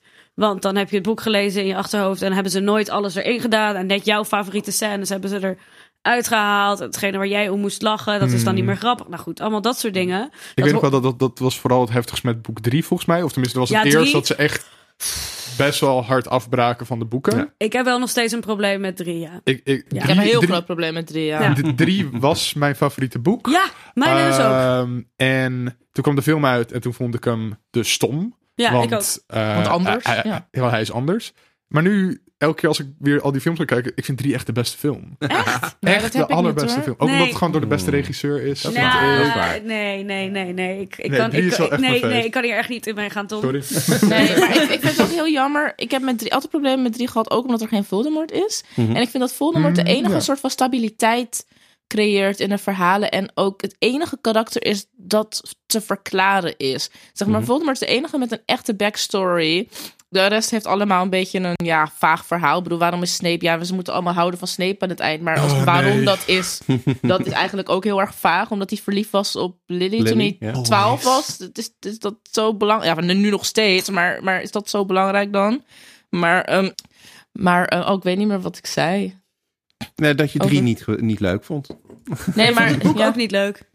Nee, ik, ik had in het derde, bij het derde verhaal, dus ik zoiets van ja, wat is, wie is nou de echte bad guy? Er is niks ergs gebeurd. Ja, Wormtail. Maar ik heb nooit echt zo veel van Harry gehouden of zo, waardoor ik niet zo. Het interesseerde me niet zo dat zijn ouders dood waren ook. Ik dacht, ja, het zal allemaal wel. En ja, en dan die Wormtail, prima. Maar ja, daardoor vond ik de film ook niet zo boeiend. Maar ik had met de, met de vijfde film, had ik heel erg, dat ik denk, waar is alles gebleven? Want dat was zo'n boek. En die film die duurt nog geen twee uur. Ja. En er is zoveel uitgehaald. En, ehm, maar nu denk ik ook, het is wel goed. Het is goed dat niet alles erin zit. Hmm. Ja, ik vind Want- vijf ook, eh, nu, nu ik hem nu kijk, vind ik hem wel heel goed. Maar die vond ik ook vreselijk eerst. Ja. Maar we zouden ook maar moeten kijken naar, naar Hermione die al die mutsen aan het breien is. Want dat miste ik. Ik dacht, waar is, waar is de, de spew? Of hoe heet Mhm, het? Die, ja. eh, Ja. en, maar nu denk ik, ja, hadden we toch ook niet naar willen kijken. Nee, en ook al die zwerkbommen, eh, de Quidditch-wedstrijd die er uit, op een gegeven moment gewoon Ja. uit de film zijn. Ja, prima. Gelukkig. Ja, Gelukkig eigenlijk wel. Ja, ja maar toen Right. vond ik van niet. Want toen vond ik dat altijd het leukste om te lezen. Ja. Maar ja, wat, wat ik meer had... Ik, drie is namelijk wel een van mijn favoriete boeken. Mhm. Maar eh, wat ik moeilijk vond aan die verfilming was dat ik... Ik zat heel erg in, in, in de... In de eh, ja, die jongere versies, weet je wel? Dat van de Marauders Map. En, en dat, dat zij dat dan hebben gemaakt. God weet hoe ze dat konden, overigens. Maar dat even heel terzijde. Dat zij dat dan hadden gemaakt. En dat, wat voor jongens dat dan waren. En ik was heel erg verliefd op, op, op, op jonge Sirius Black. Dat was, eh, ja... dat voor een jong meisje was dat helemaal eh, ja, mijn ding. En dan Lupin. En dat zijn misschien dan ook een beetje samen. En nou, Mhm. mijn, mijn fantasie die, die schoot op hol. Ja, bij dat boek. Daarom was ik ook een beetje, ehm, ja, toen toch teleurgesteld toen ik het op het scherm zag. Mhm. Misschien ook wel omdat het best wel een beetje trouw is aan de boeken, maar niet aan de dingen die ik er zelf bij had bedacht. Ja, ja, ja. Dus dat is het wel met die films, is dat je bedenkt zelf een gedeelte erbij wat er dan niet meer in kan. En, ja, het, het, ja. het legt heel erg een bepaalde versie van het verhaal vast natuurlijk. Eh, omdat het... ja, gewoon dit is belangrijk in het boek en alles wat jij belangrijk vond. mwah. Ja, maar dat is niet erg. Want we kunnen dat niet. Want ik, ik heb, vroeger dacht ik altijd, ja, er moet een serie komen. Waarin elke aflevering een hoofdstuk is uit het Mhm. boek. Ja. En dat dacht ik altijd, dat is echt leuk. Dan heb je echt zoveel om te kijken. Maar ik denk, wij hebben de boeken gewoon. We hoeven niet daarvoor een hele serie te gaan kijken. Je kan altijd die boeken lezen. En je kan heel kritisch zijn op de films. Maar ze hebben echt bij. Ik denk niet dat ze het beter hadden kunnen doen dan Nee. dit. Ik cringe wel heel erg als ik nu die eerste film zie. Maar dat is ook gewoon. dat is ook gewoon omdat het uit 2001 komt. Omdat Ja, Daniel. Radcliffe gewoon nog niet kon acteren. Omdat het was gewoon nog een beetje. Het stond nog in de kinderschoenen. Maar ik denk serieus dat ze dit. Ja, ze hebben hun best gedaan. En Ja, we houden er nog steeds van. Ik bedoel, ik, jaar lang, hè? ik kan Ja. het soms niet aanzien, maar ik word er heel gelukkig van toch ook wel. Ja. En sommige dingen vind ik ook juist beter nog in de films. Mhm. Ik ben zelf, eh, was ik altijd al fan van eh, eh, de Malfoy family. Vond ik altijd heel leuk gedaan ook. En toen kwam Lucius op dat scherm. En sowieso heb ik heel erg de hots voor hem. Ja. Kan- Wie niet? Ja, ik ben helemaal ook nog steeds gaat niet over, denk ik. En maar wat, eh, wat de acteur eh, Jason Isaacs, ja, Mhm. wat hij heeft gedaan met dat personage, heeft het veel vetter gemaakt dan, dan dat in het boek was. In het boek was het gewoon een vervelende zakenman die ook nog een beetje met geld eh, rond ging sleuren en ook nog nazi was. Maar ik, Nu is hij een of andere extravagante wizard met een toverstok en met dat haar. de Wat een bowtie, nou, ik, ik vind- iconic. Ja, geweldig. Dus dat, dat moet je die films ook nageven. Dat, dat zit er toch ook in. En laten we niet vergeten dat Voldemort een Armani-pak... Nou, dat had ik dus nooit kunnen bedenken. Maar wat was Ja, dat ja. eigenlijk? ja, nobody knows. Ik vraag me heel vaak af, wat gebeurde daar nou? Nee, ja. Volgens mij is het idee dat hij de hele tijd gewoon Voldemort overal ziet... en dat dat heel indrukwekkend moet zijn of zo, of heel eng. Ik vond niet Het zag eng, er vooral stylish uit. Ja, fucking stylish, dat wel. Nee. Maar Voldemort in de films was ook... eh, Wauw, ik, ik, ik weet nog, in de boeken was hij echt zo creepy met enge tanden en rode ogen. Hij was eigenlijk, ik bedoel, hij had wel die neus die zo, maar iedereen nog steeds grapjes over maakt. Ja. Maar hij was wel menselijk. Hij had Ja. zijn eigen blauwe ogen.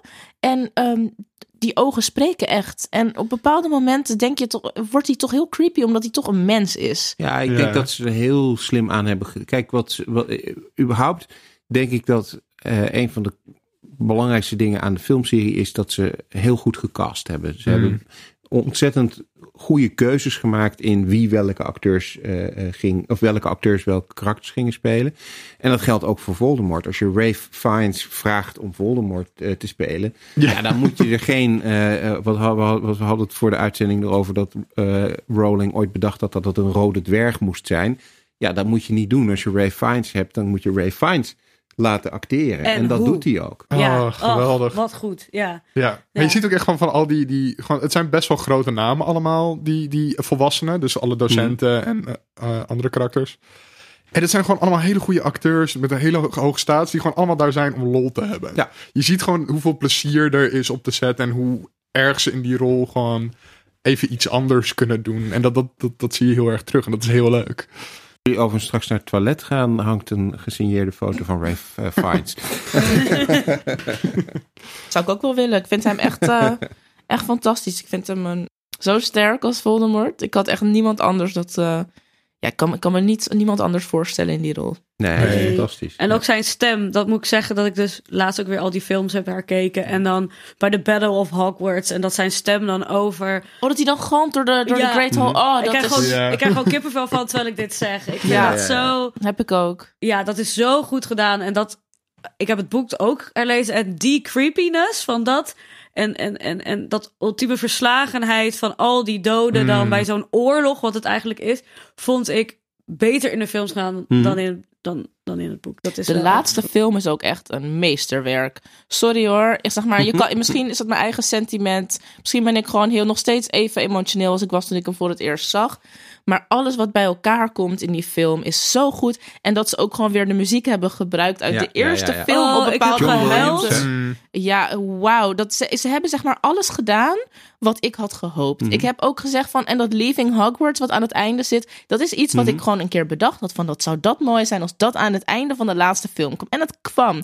Ze Ja. hebben zo goed gedaan. Dat is weer de wish fulfillment hè, uit de Mhm. eerste deel. Het was weer helemaal terug en we waren weer helemaal into it, net zoals dat we vroeger waren. Ze weten zo goed wat we willen. Wat ik eh, laatst zag is dat ze in die Battle of Hogwarts, eh, moet je maar eens opletten, de, de volgorde van de dingen die Harry en eh, eh, Hermione en Ron tegenkomen aan het einde, dat volgt de, de, de verhaallijn van de, van de boeken en de Oh ja, films. ja, ja, de troll, Oh. de Ja, spinnen troll, en de de, spinnen, de, of, de- Ah. ja, precies, de Womping nou, dat zit er allemaal in. Dat, de- Oh, wat- wat- ja, wat er is, er is best wel goed over nagedacht, inderdaad.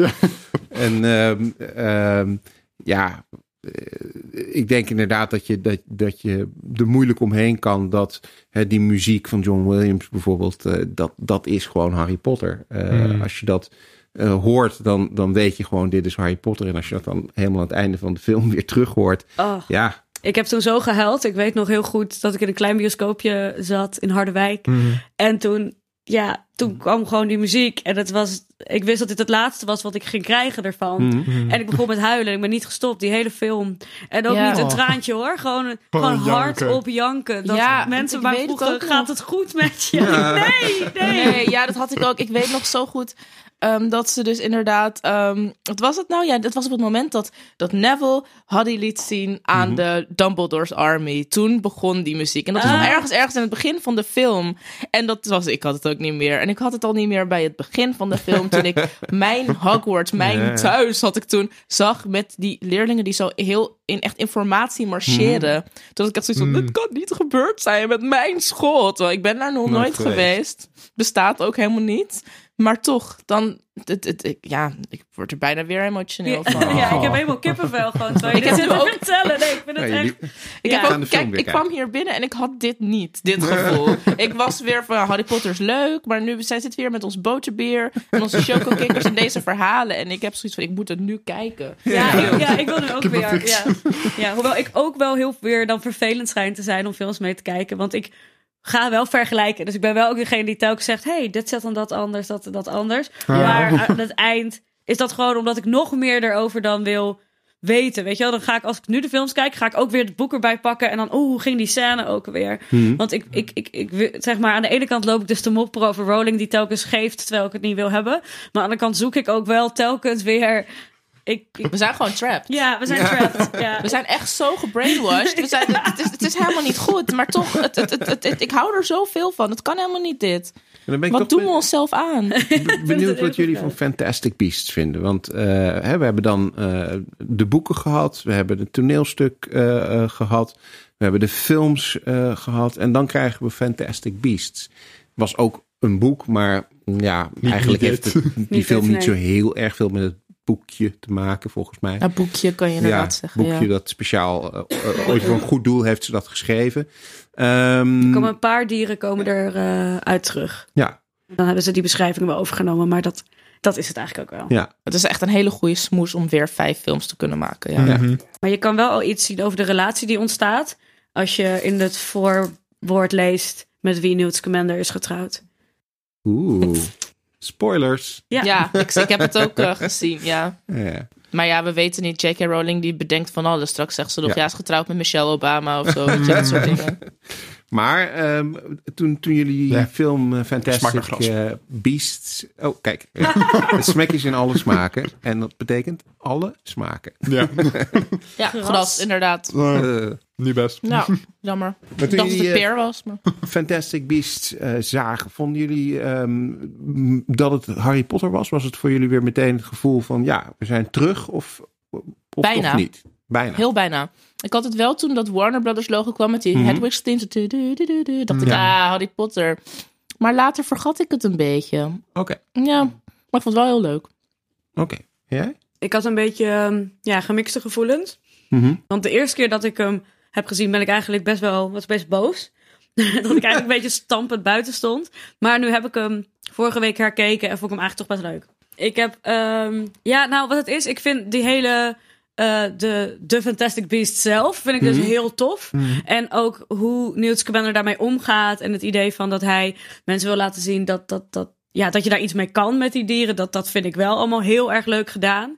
Alleen, ik heb gewoon een beetje moeite met Newt Scamander, die nu een soort van hele belangrijke rol in de complete wereldgeschiedenis toegeschreven krijgt. Vind ik persoonlijk een beetje moeilijk. Omdat ik denk van ja, als dat echt zo was, waarom weten we daar nu nog niks Mhm. van? En dan ben Waarom ik horen we dan altijd van Grindelwald en Dumbledore en, En niet nooit van, over Newt Newt Scamander. Scamander? En dan ben ik een beetje bang dat wat er gaat gebeuren, dat het is dat hij een enorm grote rol heeft, maar dat niemand dat eigenlijk weet. Ik ben een Nee. beetje bang dat het dat gaat worden.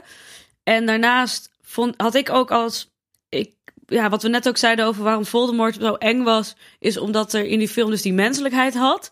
En bij Grindelwald dacht ik ook een beetje aan een. ehm, meer een, een, een beetje een charmante professor. Mhm.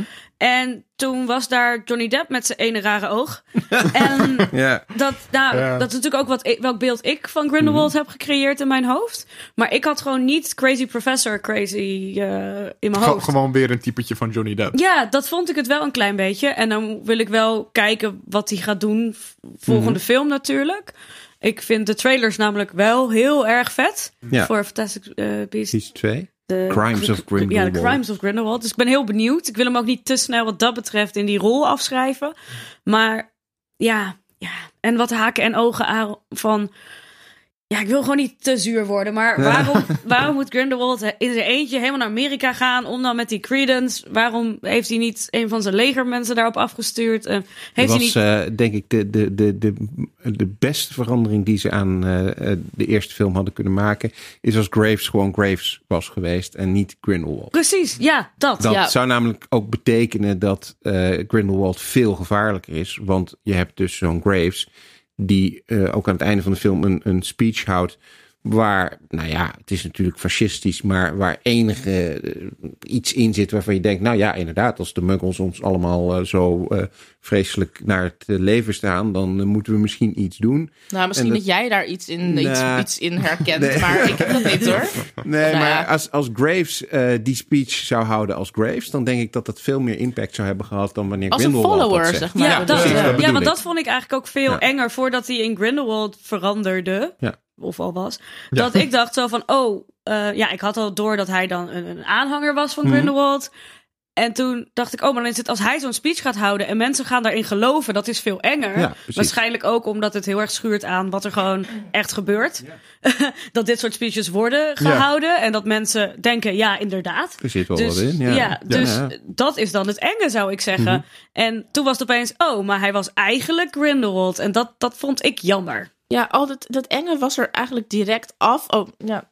Dat enge was er eigenlijk direct af toen ehm, hij veranderde in die rare Johnny Depp Mhm. met eh, witte haren. En toen had ik zoiets van, ja hoor, het zal wel weer. En toen zei hij ook nog een paar hele rare dingen. Dacht ik, wat is dit nou weer voor vreemd Ik weet karakter? ook dat ik gewoon daar een beetje gewoon interesse in de film verloor toen ik hem zag. de Ja, ik had ik zoiets gewoon van- van, ja, oké. Het- eh, Oké, weet je gewoon wat ik heb met, haar, met de tweets van J.K. Rowling. Van ja, Ja. Is goed. Ik accepteer het wel weer, maar ik vind het wel raar. Mhm. Ik heb ook wel een beetje moeite met wat ik heb gehoord over de nieuwe Fantastic Beasts film. En met name over Nagini. Ja, Oh. ja, ja, dat is niet oké. Het wordt allemaal heel problematisch nu. Ehm, ja, ik, eh, een moordenaar. het zal allemaal best eh, leuk kunnen zijn, die film. Maar ehm, er was zo'n meme die ik had gezien dat J.K. Rowling was van... er is wel diversiteit in Harry Potter. Nagini was eigenlijk al die tijd een Aziatische vrouw. Kijk, hier zit ze in de film, in een kooi. ja. Weet je, dan denk ik van ja, eh, lekker bezig, weet je. Ik ja. vind het heel raar. Waarom moet het nou weer? Waarom? Ik was maar, het eigenlijk vergeten. Dus zo merk ik hoe mijn hoofd dan werkt. Van nee, niet gezien, klaar. Mm. Ja, maar we moeten wel die hele film ernaar gaan kijken. En Misschien nog wel vier films, hè? Ja. Ja, daar ben ik er inderdaad vijf wel films? bang Ja, er komen vijf. Vijf films, ja. Nou ja, ik ben ook heel benieuwd, want het, er zijn natuurlijk een aantal dingen in deze films die ofwel heel goed zouden kunnen gaan, hè, want het is- het heeft enorme potentie om een aantal dingen nou eens een beetje recht te zetten, qua representatie, qua eh, eh, nou ja, dat Dumbledore gay is, eh, qua mensen van eh, kleur, qua hoe het nou zit met racisme in de, in de Wizarding World. En het zou ook heel erg fout eh, kunnen gaan. En, Tot nu toe gaat het die kant op. ja, Ja, precies. Ja. Dat is een beetje de angst die ik ook heb. eh. Ja, terwijl inderdaad waar we het eerder over hadden, dat met die uh, Obscurial en zo, dat vind ik een Mhm. hele vette verhaallijn.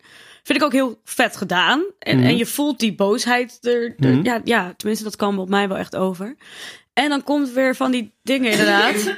dat je toch de- weer denkt van, oh, maar. eh, ja, en dat, daarom ben ik een beetje bang. Het, het is ook door Rowling geschreven, toch weer? Ja, ja. Ja. Helaas wel. Ja. Ja, Ja, en dat- volgens dat- mij heeft zij ook al. Dus ik heb ergens gelezen dat al verklaard soort van is dat die gay eh, Dumbledore en Grindelwald dat dat er toch maar niet helemaal in komt. Ja. dat is een beetje inderdaad de vraag. Eh, de regisseur van de film heeft gezegd dat het niet expliciet aan de orde komt. Nee. Eh, maar ja, dat is, dat, dat, dat is echt heel problematisch als dat niet zo is. Want eh, dat kwam het namelijk ook al niet in de boeken, omdat ze het pas later bedacht heeft. Ja. Dus het zou wel tijd worden dat het wel een keer expliciet in beeld Ja, wordt. en het hangt een beetje vanaf wat ze dan met expliciet bedoelen. Ja, maar dat is ook zo. Ik heb er weinig vertrouwen ik in. ook. En dat, dat vind ik heel erg jammer. Want het, het, ja, toen ik het nu herkeek, zag ik, oh, er zit hier potentie in. Het kan heel tof zijn. En dan komen ze inderdaad met Nagini aanzetten. Dus Ja. Ik vraag me de hele tijd af wat er nou gebeurt als J.K. Rowling morgen dood zou gaan. Zeg Hmm. maar, want er- ze hebben een- eh, het contract is getekend. Er moeten hierna nog drie Fantastic Beasts films gaan komen. Ik vraag me nou af, wat gaan ze dan doen? Nou, volgens mij heeft ze wel een soort outline geschreven van waar het verhaal heen gaat. Ehm, en, en dat, Dan wordt het hetzelfde als met Game of Thrones. Ja, en ook met de eerdere Harry Potter films. Want ze heeft kennelijk eh, een aantal karakters eh, van tevoren wat extra informatie gegeven. Ook al bij die, bij die Harry Ja, bij Potter films. Snape. Oh, ja, ja, klopt. Voor- Inderdaad, Snape is Zegt het ze. bekende verhaal, inderdaad. Ja, Ik geloof haar nooit Ja. meer. Hè. Ze Ja. zegt ook over, over Nagini zegt ze ook dat ze dat al twintig jaar geleden bedacht Ja, heeft. Ja, ja, en dan ja. denk Het ik, nee. George Lucas eigenlijk. Ja, echt hè? Maar ja, goed. eh, dus ik denk dat op zich het, het, het- de, de, de grote lijn van dit verhaal, die staat volgens mij al wel vast. Ik, dat, dat zal ze ook vast wel ergens in een kluis hebben gelegd. Precies vanwege dit idee. Van nou, als er iets met haar gebeurt, dan kunnen die films door. Want dat gaat Ja. uiteindelijk om geld natuurlijk. Ja.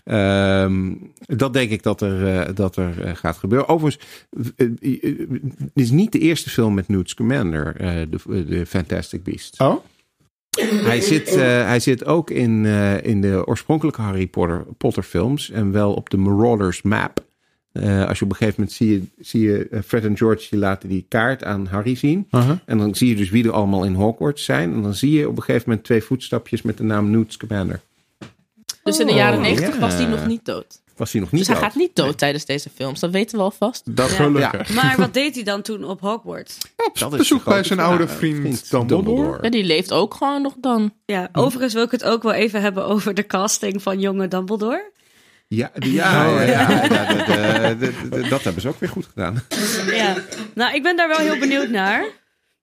Want, nou ja, ik heb sowieso ooit een plaatje gemaakt van... Op een gegeven moment heb je in Harry Potter films dat eh, Dumbledore jonge Tom eh, Riddle gaat opzoeken. Oh ja? En daar zi- zit niet zo heel veel jaar tussen, tussen hem daar en in... eh in deze- ja, ik heb Ja, en het- daar heeft hij dan al een baard en is ja, hij en, niet, gewoon oud. ja, en is hij gewoon oud. En daar zit, Ja. ik heb het uitgerekend, dat zit dan iets van vijf of zes jaar tussen. Ik heb het nog ergens hoeveel Oh, het ja. moet zijn. Ehm, Kunnen ze dan niet met CGI en nieuwe uitgaves gewoon Jude Law in die oude films plaatsen? ja, misschien moeten ze dat doen. Misschien moeten ze dat doen. En ik weet, Beetje, Ja. beetje, beetje George Lucas-achtig weer. Ja, het is heel flauw dat ik dat soort dingen doe. Maar ik vind dat dan leuk om naast elkaar te leggen. Of om wat cijfertjes op te zoeken. Dat, van sommige dingen. En dit, dit is er één van. Dat hij dan wel in hele korte tijd heel oud is geworden. Mhm. Hij heeft misschien iets heel ergs meegemaakt. Ja, Ja. zoveel stress. Ja, gewoon dat gevecht met Grindelwald. En gewoon het was ja, ja. klaar daarna. De aftakeling had ingezet. Ja, ja. Maar J.K. Rowling die kan ook niet rekenen hoor. Het is zeg maar bijvoorbeeld Slughorn. Die geeft dus les aan, aan young Tom Riddle. Hm. In Ja. waarschijnlijk ongeveer 1940. Als we, zeg maar, ik- eh, om en nabij. Hij is geboren in 1926 of zo. Nou, dus dan zal het rond 1940, misschien iets eerder. Ehm, en in 1995 of zo is die man net zo oud als in de flashbacks. Mhm. En geeft hij nog steeds les op Hogwarts. Maar Dumbledore is toch ook gewoon al... Uit welk jaar komt Dumbledore? Die is toch ook heel Die is oud? echt- echt 18, 18 18 zoveel, ja. Die, Ja, maar- die is Ja. heel oud. Maar het klopt ook allemaal niet. Want het is zeg maar, bijvoorbeeld Slughorn is gewoon niet ouder of jonger. Ja, jonger zou ook wel heel Mhm. bijzonder zijn. Ja. Maar die is, die is niet echt ouder geworden als karakter. Het is niet Nee. nu een hele oude man. En het was toen wel al een man van middelbare leeftijd. Ja. En dat soort dingen zijn er de hele tijd. Het is ook bijvoorbeeld dat iedereen tegelijkertijd met elkaar op school gezeten heeft. En dat Mhm. ze ook nog in Cursed Child dan allemaal tegelijkertijd een kind hebben dat dan in het eerste jaar zit. Ja, Ja, maar je hebt toch ook gewoon altijd op hetzelfde moment na je middelbare school een kind? dat en je zeker blijft ook altijd eh, je leven lang samen met het liefje van, eh Ja, van toen je 14 was. school. Ja, dat Ja. is wel heel normaal. Behalve Draco Malfoy, hè? Oh ja, oh, ja dat klopt inderdaad. Had hij Ja, dan dat- een vriendin op Hogwarts? Ja, die... ehm, Ja, oh ja, dat Pansy, is wel. ja, Pansy Parkinson. Hmm, nou, Hmm. oké.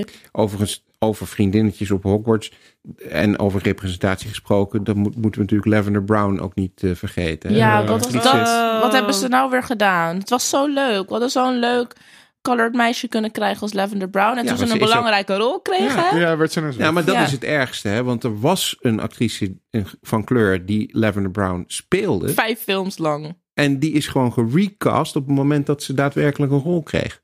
Dat ze daadwerkelijk iets mocht gaan zeggen.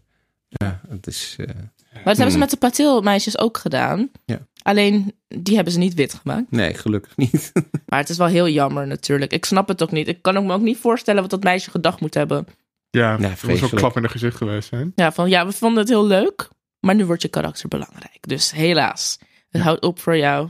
We hebben een wit meisje gevonden die het ook heel goed kan. Dus eh, daar gaan we mee door. Vreselijk. Ja.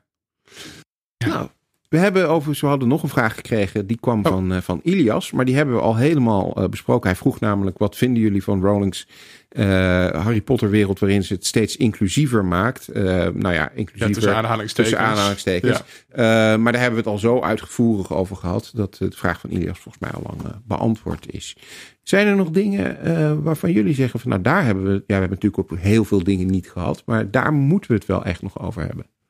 Ik wil misschien nog wel één dingetje. Wat ik wel dan leuk vind om even te benoemen.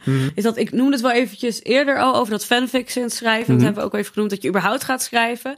Maar wat voor mij het ook wel was. Is dat door die fanfictie ging er wel een wereld open van, ehm, van queerness, zeg maar. Mhm. En, en dat ik daar ja, wel interesse in had. Maar ook dat ik daar op vrij jonge leeftijd dus dan mee in aanraking kwam. Als zijnde dat dat er gewoon was. En niet door Mhm. Rowling, maar door die fan community. Ja. En ik denk wel dat dat invloed heeft gehad op de manier hoe ik daar nu over denk en hoe ik daarin sta. En, Hmm. eh, en wat dat betreft heeft die gemeenschap dan wel wat voor mij gedaan. En, en, en ook in de zin dat het voor mij heel erg dat, dat fanfictie naar boven hield, waardoor ook een gedeelte van mijn seksualiteit daarin Mhm. ging zitten. Want ik schreef zelf ook dan verhalen over. eh, Draco en Harry. eh, nou, dat viel mee. Ik, ik maakte weer mijn eigen personages binnen de wereld. Oké. Ehm, Mary Sue. ja, ja, ja, ik was heel streng op Mary Sue's en Gary Stu's. Ik checkte dan ook andere mensen hun verhalen. En dan werd ik Oh, alleen maar oké. boos als ze dat hadden gedaan. Maar ja, nee, dus dat, dat, dat schrijven, dat wil ik nog eigenlijk wel even benadrukken. Dat dat voor mij toch ook wel heel belangrijk is geweest. Ook in ontwikkeling van mij of zo. Dus dat, ja, Ja, dat, Ja, ik blijf dat heel fa- fascinerend en mooi ook vinden aan, aan nou ja, Harry Potter of, of, of de wereld van J.K. Rowling, hoe je het wil noemen. Maar dat ondanks dat er dus, als je het gaat analyseren in die teksten, ontzettend veel mis is met representatie, met queerness, met noem het allemaal maar op. Dat juist in die fancommunity eh de mensen het er wel uithalen en, en er wel mee aan de slag gaan. En het wel eh, eigenlijk zichzelf eigen maken van, eh, ja, ook al zit het misschien niet in wat Rowling heeft opgeschreven, we kunnen het er wel uithalen. Ja, ik vind fanfiction ook daar inderdaad een heel. eh, het, is, het is- een heel belangrijk onderdeel ervan. Ik denk dat het ook niet losstaat van elkaar. Mijn hele Harry Potter, ehm, zeg maar, liefde. Het hangt allemaal, zeg maar, niet per se aan de boeken van de films, maar aan het hele concept Ja. daaromheen. Mm. En fanfiction is daar ook een heel belangrijk onderdeel van. Ik eh, kan het nu niet meer met een straight face lezen, maar toen ik rond, rond de 14 was of zo. Ja. Ik heb er ook eigenlijk, denk ik, wel een deel van mijn seksuele voorlichting uitgehaald hoor. Mhm. Zeg maar ook. eh, ik heb nog wel wat expliciete dingen gelezen, maar dat. eh, ik heb daardoor wel een beetje soort van geaccepteerd dat dat allemaal ook best wel oké is. En dat Ja. dat niet per se beschamend hoeft te zijn, zoals ze op de middelbare school wel proberen duidelijk te maken aan je. En ik heb ook van Harry Potter fanfiction geleerd dat fanfiction eigenlijk ook best wel belachelijk is. Mhm. Want ik heb natuurlijk ook My Immortal gelezen. Ik weet niet of iemand dat kent. Dat is eigenlijk een parodie op Harry Potter fanfiction. Maar die is, dat is denk ik de meest populaire fanfic die er is. Het is ook heel slecht geschreven, zeg maar bewust met heel veel fouten. En eh, het is bijna een beetje. Het is, het is eigenlijk een, eh, een, eh, een meme uit de tijden waarin we het nog niet over memes hadden. maar dat, eh, dat, daar, daar, daar is het ook een beetje begonnen met hoe leuk het ook kan zijn om het soms af te kraken. Ja. Het is allemaal heel. Het is Harry Potter is veel meer dan, dan je zou zeggen. En het is allemaal gewoon. eh, Ik zag Ja. een, eh, een hele leuke meme voorbij komen, ook over afkraken gesproken. Dat gaat dan over eh, Hermione en, en Lupin. Die staan dan eh, tegenover elkaar. En, en Lupin die vraagt dan aan Hermione... Hè, want het is een geheim dat hij een weerwolf is. En Hermione die bewaart dat geheim. En dan zegt hij van, how did you know? En dan zegt ze, well, your name is uh, Werewolf McWeerwolf. ja, dat is ook wel een van mijn favorieten. Ja. ja, Wolfie McWolfface. Ja. Ja, ze is ook wel, uh, ze wordt ook met die spreuken ook, dat al die spreuken gewoon een, een Latijns woord zijn. Ja, ja. Ja, maar dat is natuurlijk ook gewoon perfect. Als kind heb je dat dan niet door, maar voor de volwassenen die het dan meelezen, is het er ook gewoon van, nou, ik zie waar dit naartoe gaat.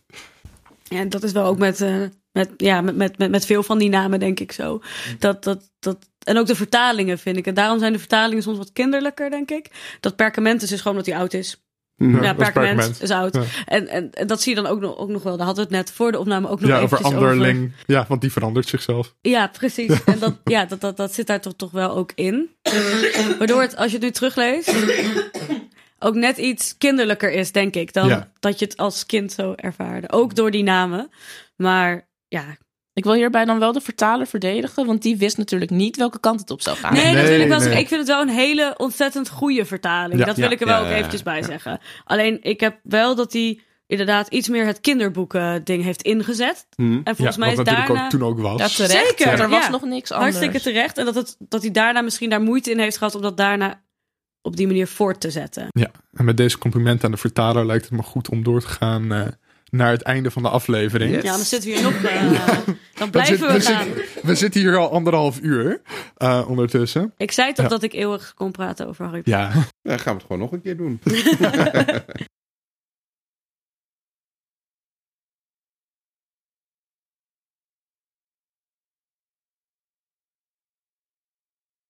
zoals gebruikelijk sluiten we eh, af met een vooruitblik eh, eh, van wat we de aankomende tijd gaan doen of kijken. Sydney, ik begrijp dat jij naar een schrijver gaat bij de VU. Ja, ik eh, eh, ben een hele grote fan van eh, Canadese denkers die uitgenodigd worden door Amsterdamse universiteiten. en ehm, eh, ik ga dus naar de VU, want die hebben uitgenodigd Margaret Atwood. Dat is iemand die wel iets zinnigs te vertellen heeft en uit Canada komt. Ehm, ja, Margaret Atwood geeft een lezing binnenkort. Tom gaat Ja, mee, volgens mij. Ja. Nou ja, behoeft verder geen eh, introductie, denk ik. Margaret Atwood, schrijfster van onder andere The Handmaid's Tale. Eh, ontzettend interessante vrouw. Die, die, ik, ja, ik weet natuurlijk niet wat ze gaat zeggen zaterdag. Maar Mhm. ik kan me bijna niet voorstellen dat er een seconde gaat zijn dat ik het niet interessant vind. Dus daar verheug ik me heel erg op. Eh, Lin, waar kijk jij naar uit? Naar de PlayStation Classic. Oh, die ja, ja. aankomt. Ja, ja, ik heb er echt ja. zin in. Ik heb vroeger zoveel gespeeld op de PlayStation 1. En al die spelletjes heb ik zo Mhm. van genoten. En eh, nou, nu komt er dus een pocket editie van uit. Met Mhm. daarop al iets van 30 spelletjes voor geïnstalleerd. En ehm, nou ja, ik, ik kan echt niet wachten. Ik eh, heb er zoveel zin in. Eindelijk weer, eh, want ik vind die spellen van nu ook heel leuk. Maar het roept niet hetzelfde gevoel op als toen. Het is nu gewoon... Misschien ook omdat ik het nu zelf kan kopen. Omdat ik gewoon eigenlijk kan spelen wat ik wil. En dat ik niet meer per se de spelletjes moet spelen die ik al heb. En Ja, dat je niet, niet voor de twintigste keer hetzelfde spel weer opstart. Nee, maar vroeger was dat wel gewoon heel erg Ja. leuk. En ik deed, ik kon dat gewoon. Ik verveelde me nooit met die spellen. En, en waarschijnlijk ga ik nu wel krijgen. Ik denk, nou, nu heb ik het ook wel gezien. En wat zag het er eigenlijk slecht uit. Mm, maar hierbij is het toch ook een beetje van, eh, ja, vroeger was alles beter. Ja, ja. Ook de oude eh, Harry Potter spelletjes weer spelen? Die speel ik nog vrij regelmatig gewoon ja. op mijn laptop of op mijn Game Boy. En ze zijn echt verschrikkelijk. Dus dan stop ik meestal na 10 minuten mee. Iris, kijk jij eh, ergens naar uit? Ehm, nou, ik ga dus Sabrina verder kijken. Ja. En iets, ehm, ja, ik vind dat ik het gewoon wel mag zeggen. Ik ben bezig met een podcast maken Oh. over eh, mijn tijd op een ander forum. Want ik heb ook nog heel veel tijd op een ander forum doorgebracht. En ik ben dus bezig met iemand die ik daarvan ken, een vriend van mij, die heet Roel. En wij willen heel graag ons verhaal vertellen van hoe dat dan daar ging op zo'n forum eh, tijd. Dus Oh, we hebben al een pilot opgenomen, wat feedback gekregen van mensen en we gaan hem nog verder doorzetten. En we willen eerst een paar afleveringen maken, iets Mhm. van drie, en dan gaan we waarschijnlijk online zetten. Dus Leuk. ja, Leuk. dat is. eh, Hebben jullie al een naam? Nee, nog niet helemaal. Ik, ehm, de werktitel nu is Via Via. Mhm. Wat dan weer heel erg lijkt op een Harry Potter referentie. Maar dat, is het, dat is het niet. Eh, dat is omdat we het over hadden dat als je dan eh, aan mensen moest uitleggen waar je dan die mensen van kende. En je schaamde je een beetje dat je ze via via kende. Ah. Maar dat is de werktitel, dus we Mhm. hebben nog geen officiële titel. Nice. Ja, kijk er dan ook naar uit. Ja, dus ben heel erg eh, benieuwd. ja, dat, dat, dat zal ik jullie vertellen als die online is. Kan nog wel even duren, maar Mhm. ehm, het zit eh, U, u in de hoort het als pijplijn. eerste in Geeky Dingen. Ja, ik eh, ga dus ook naar Atwood. Daar kijk ik heel erg naar uit. Dat wordt wel heel vet, denk ik. Ehm, het nieuwe seizoen House of Cards is net Ja, uit. Zonder ehm, Kevin, Kevin. Spacey. Uh, en ik vond sowieso Robin Wright's karakter altijd interessanter dan Kevin Spacey's karakter. En zij neemt nu de lead soort van over van hem. Dus ik ben benieuwd wat ze met haar gaan doen. En hoop dat ze van haar niet ook zo'n stereotype villain gaan maken. Hmm. Zoals ze van Kevin Spacey hebben gemaakt.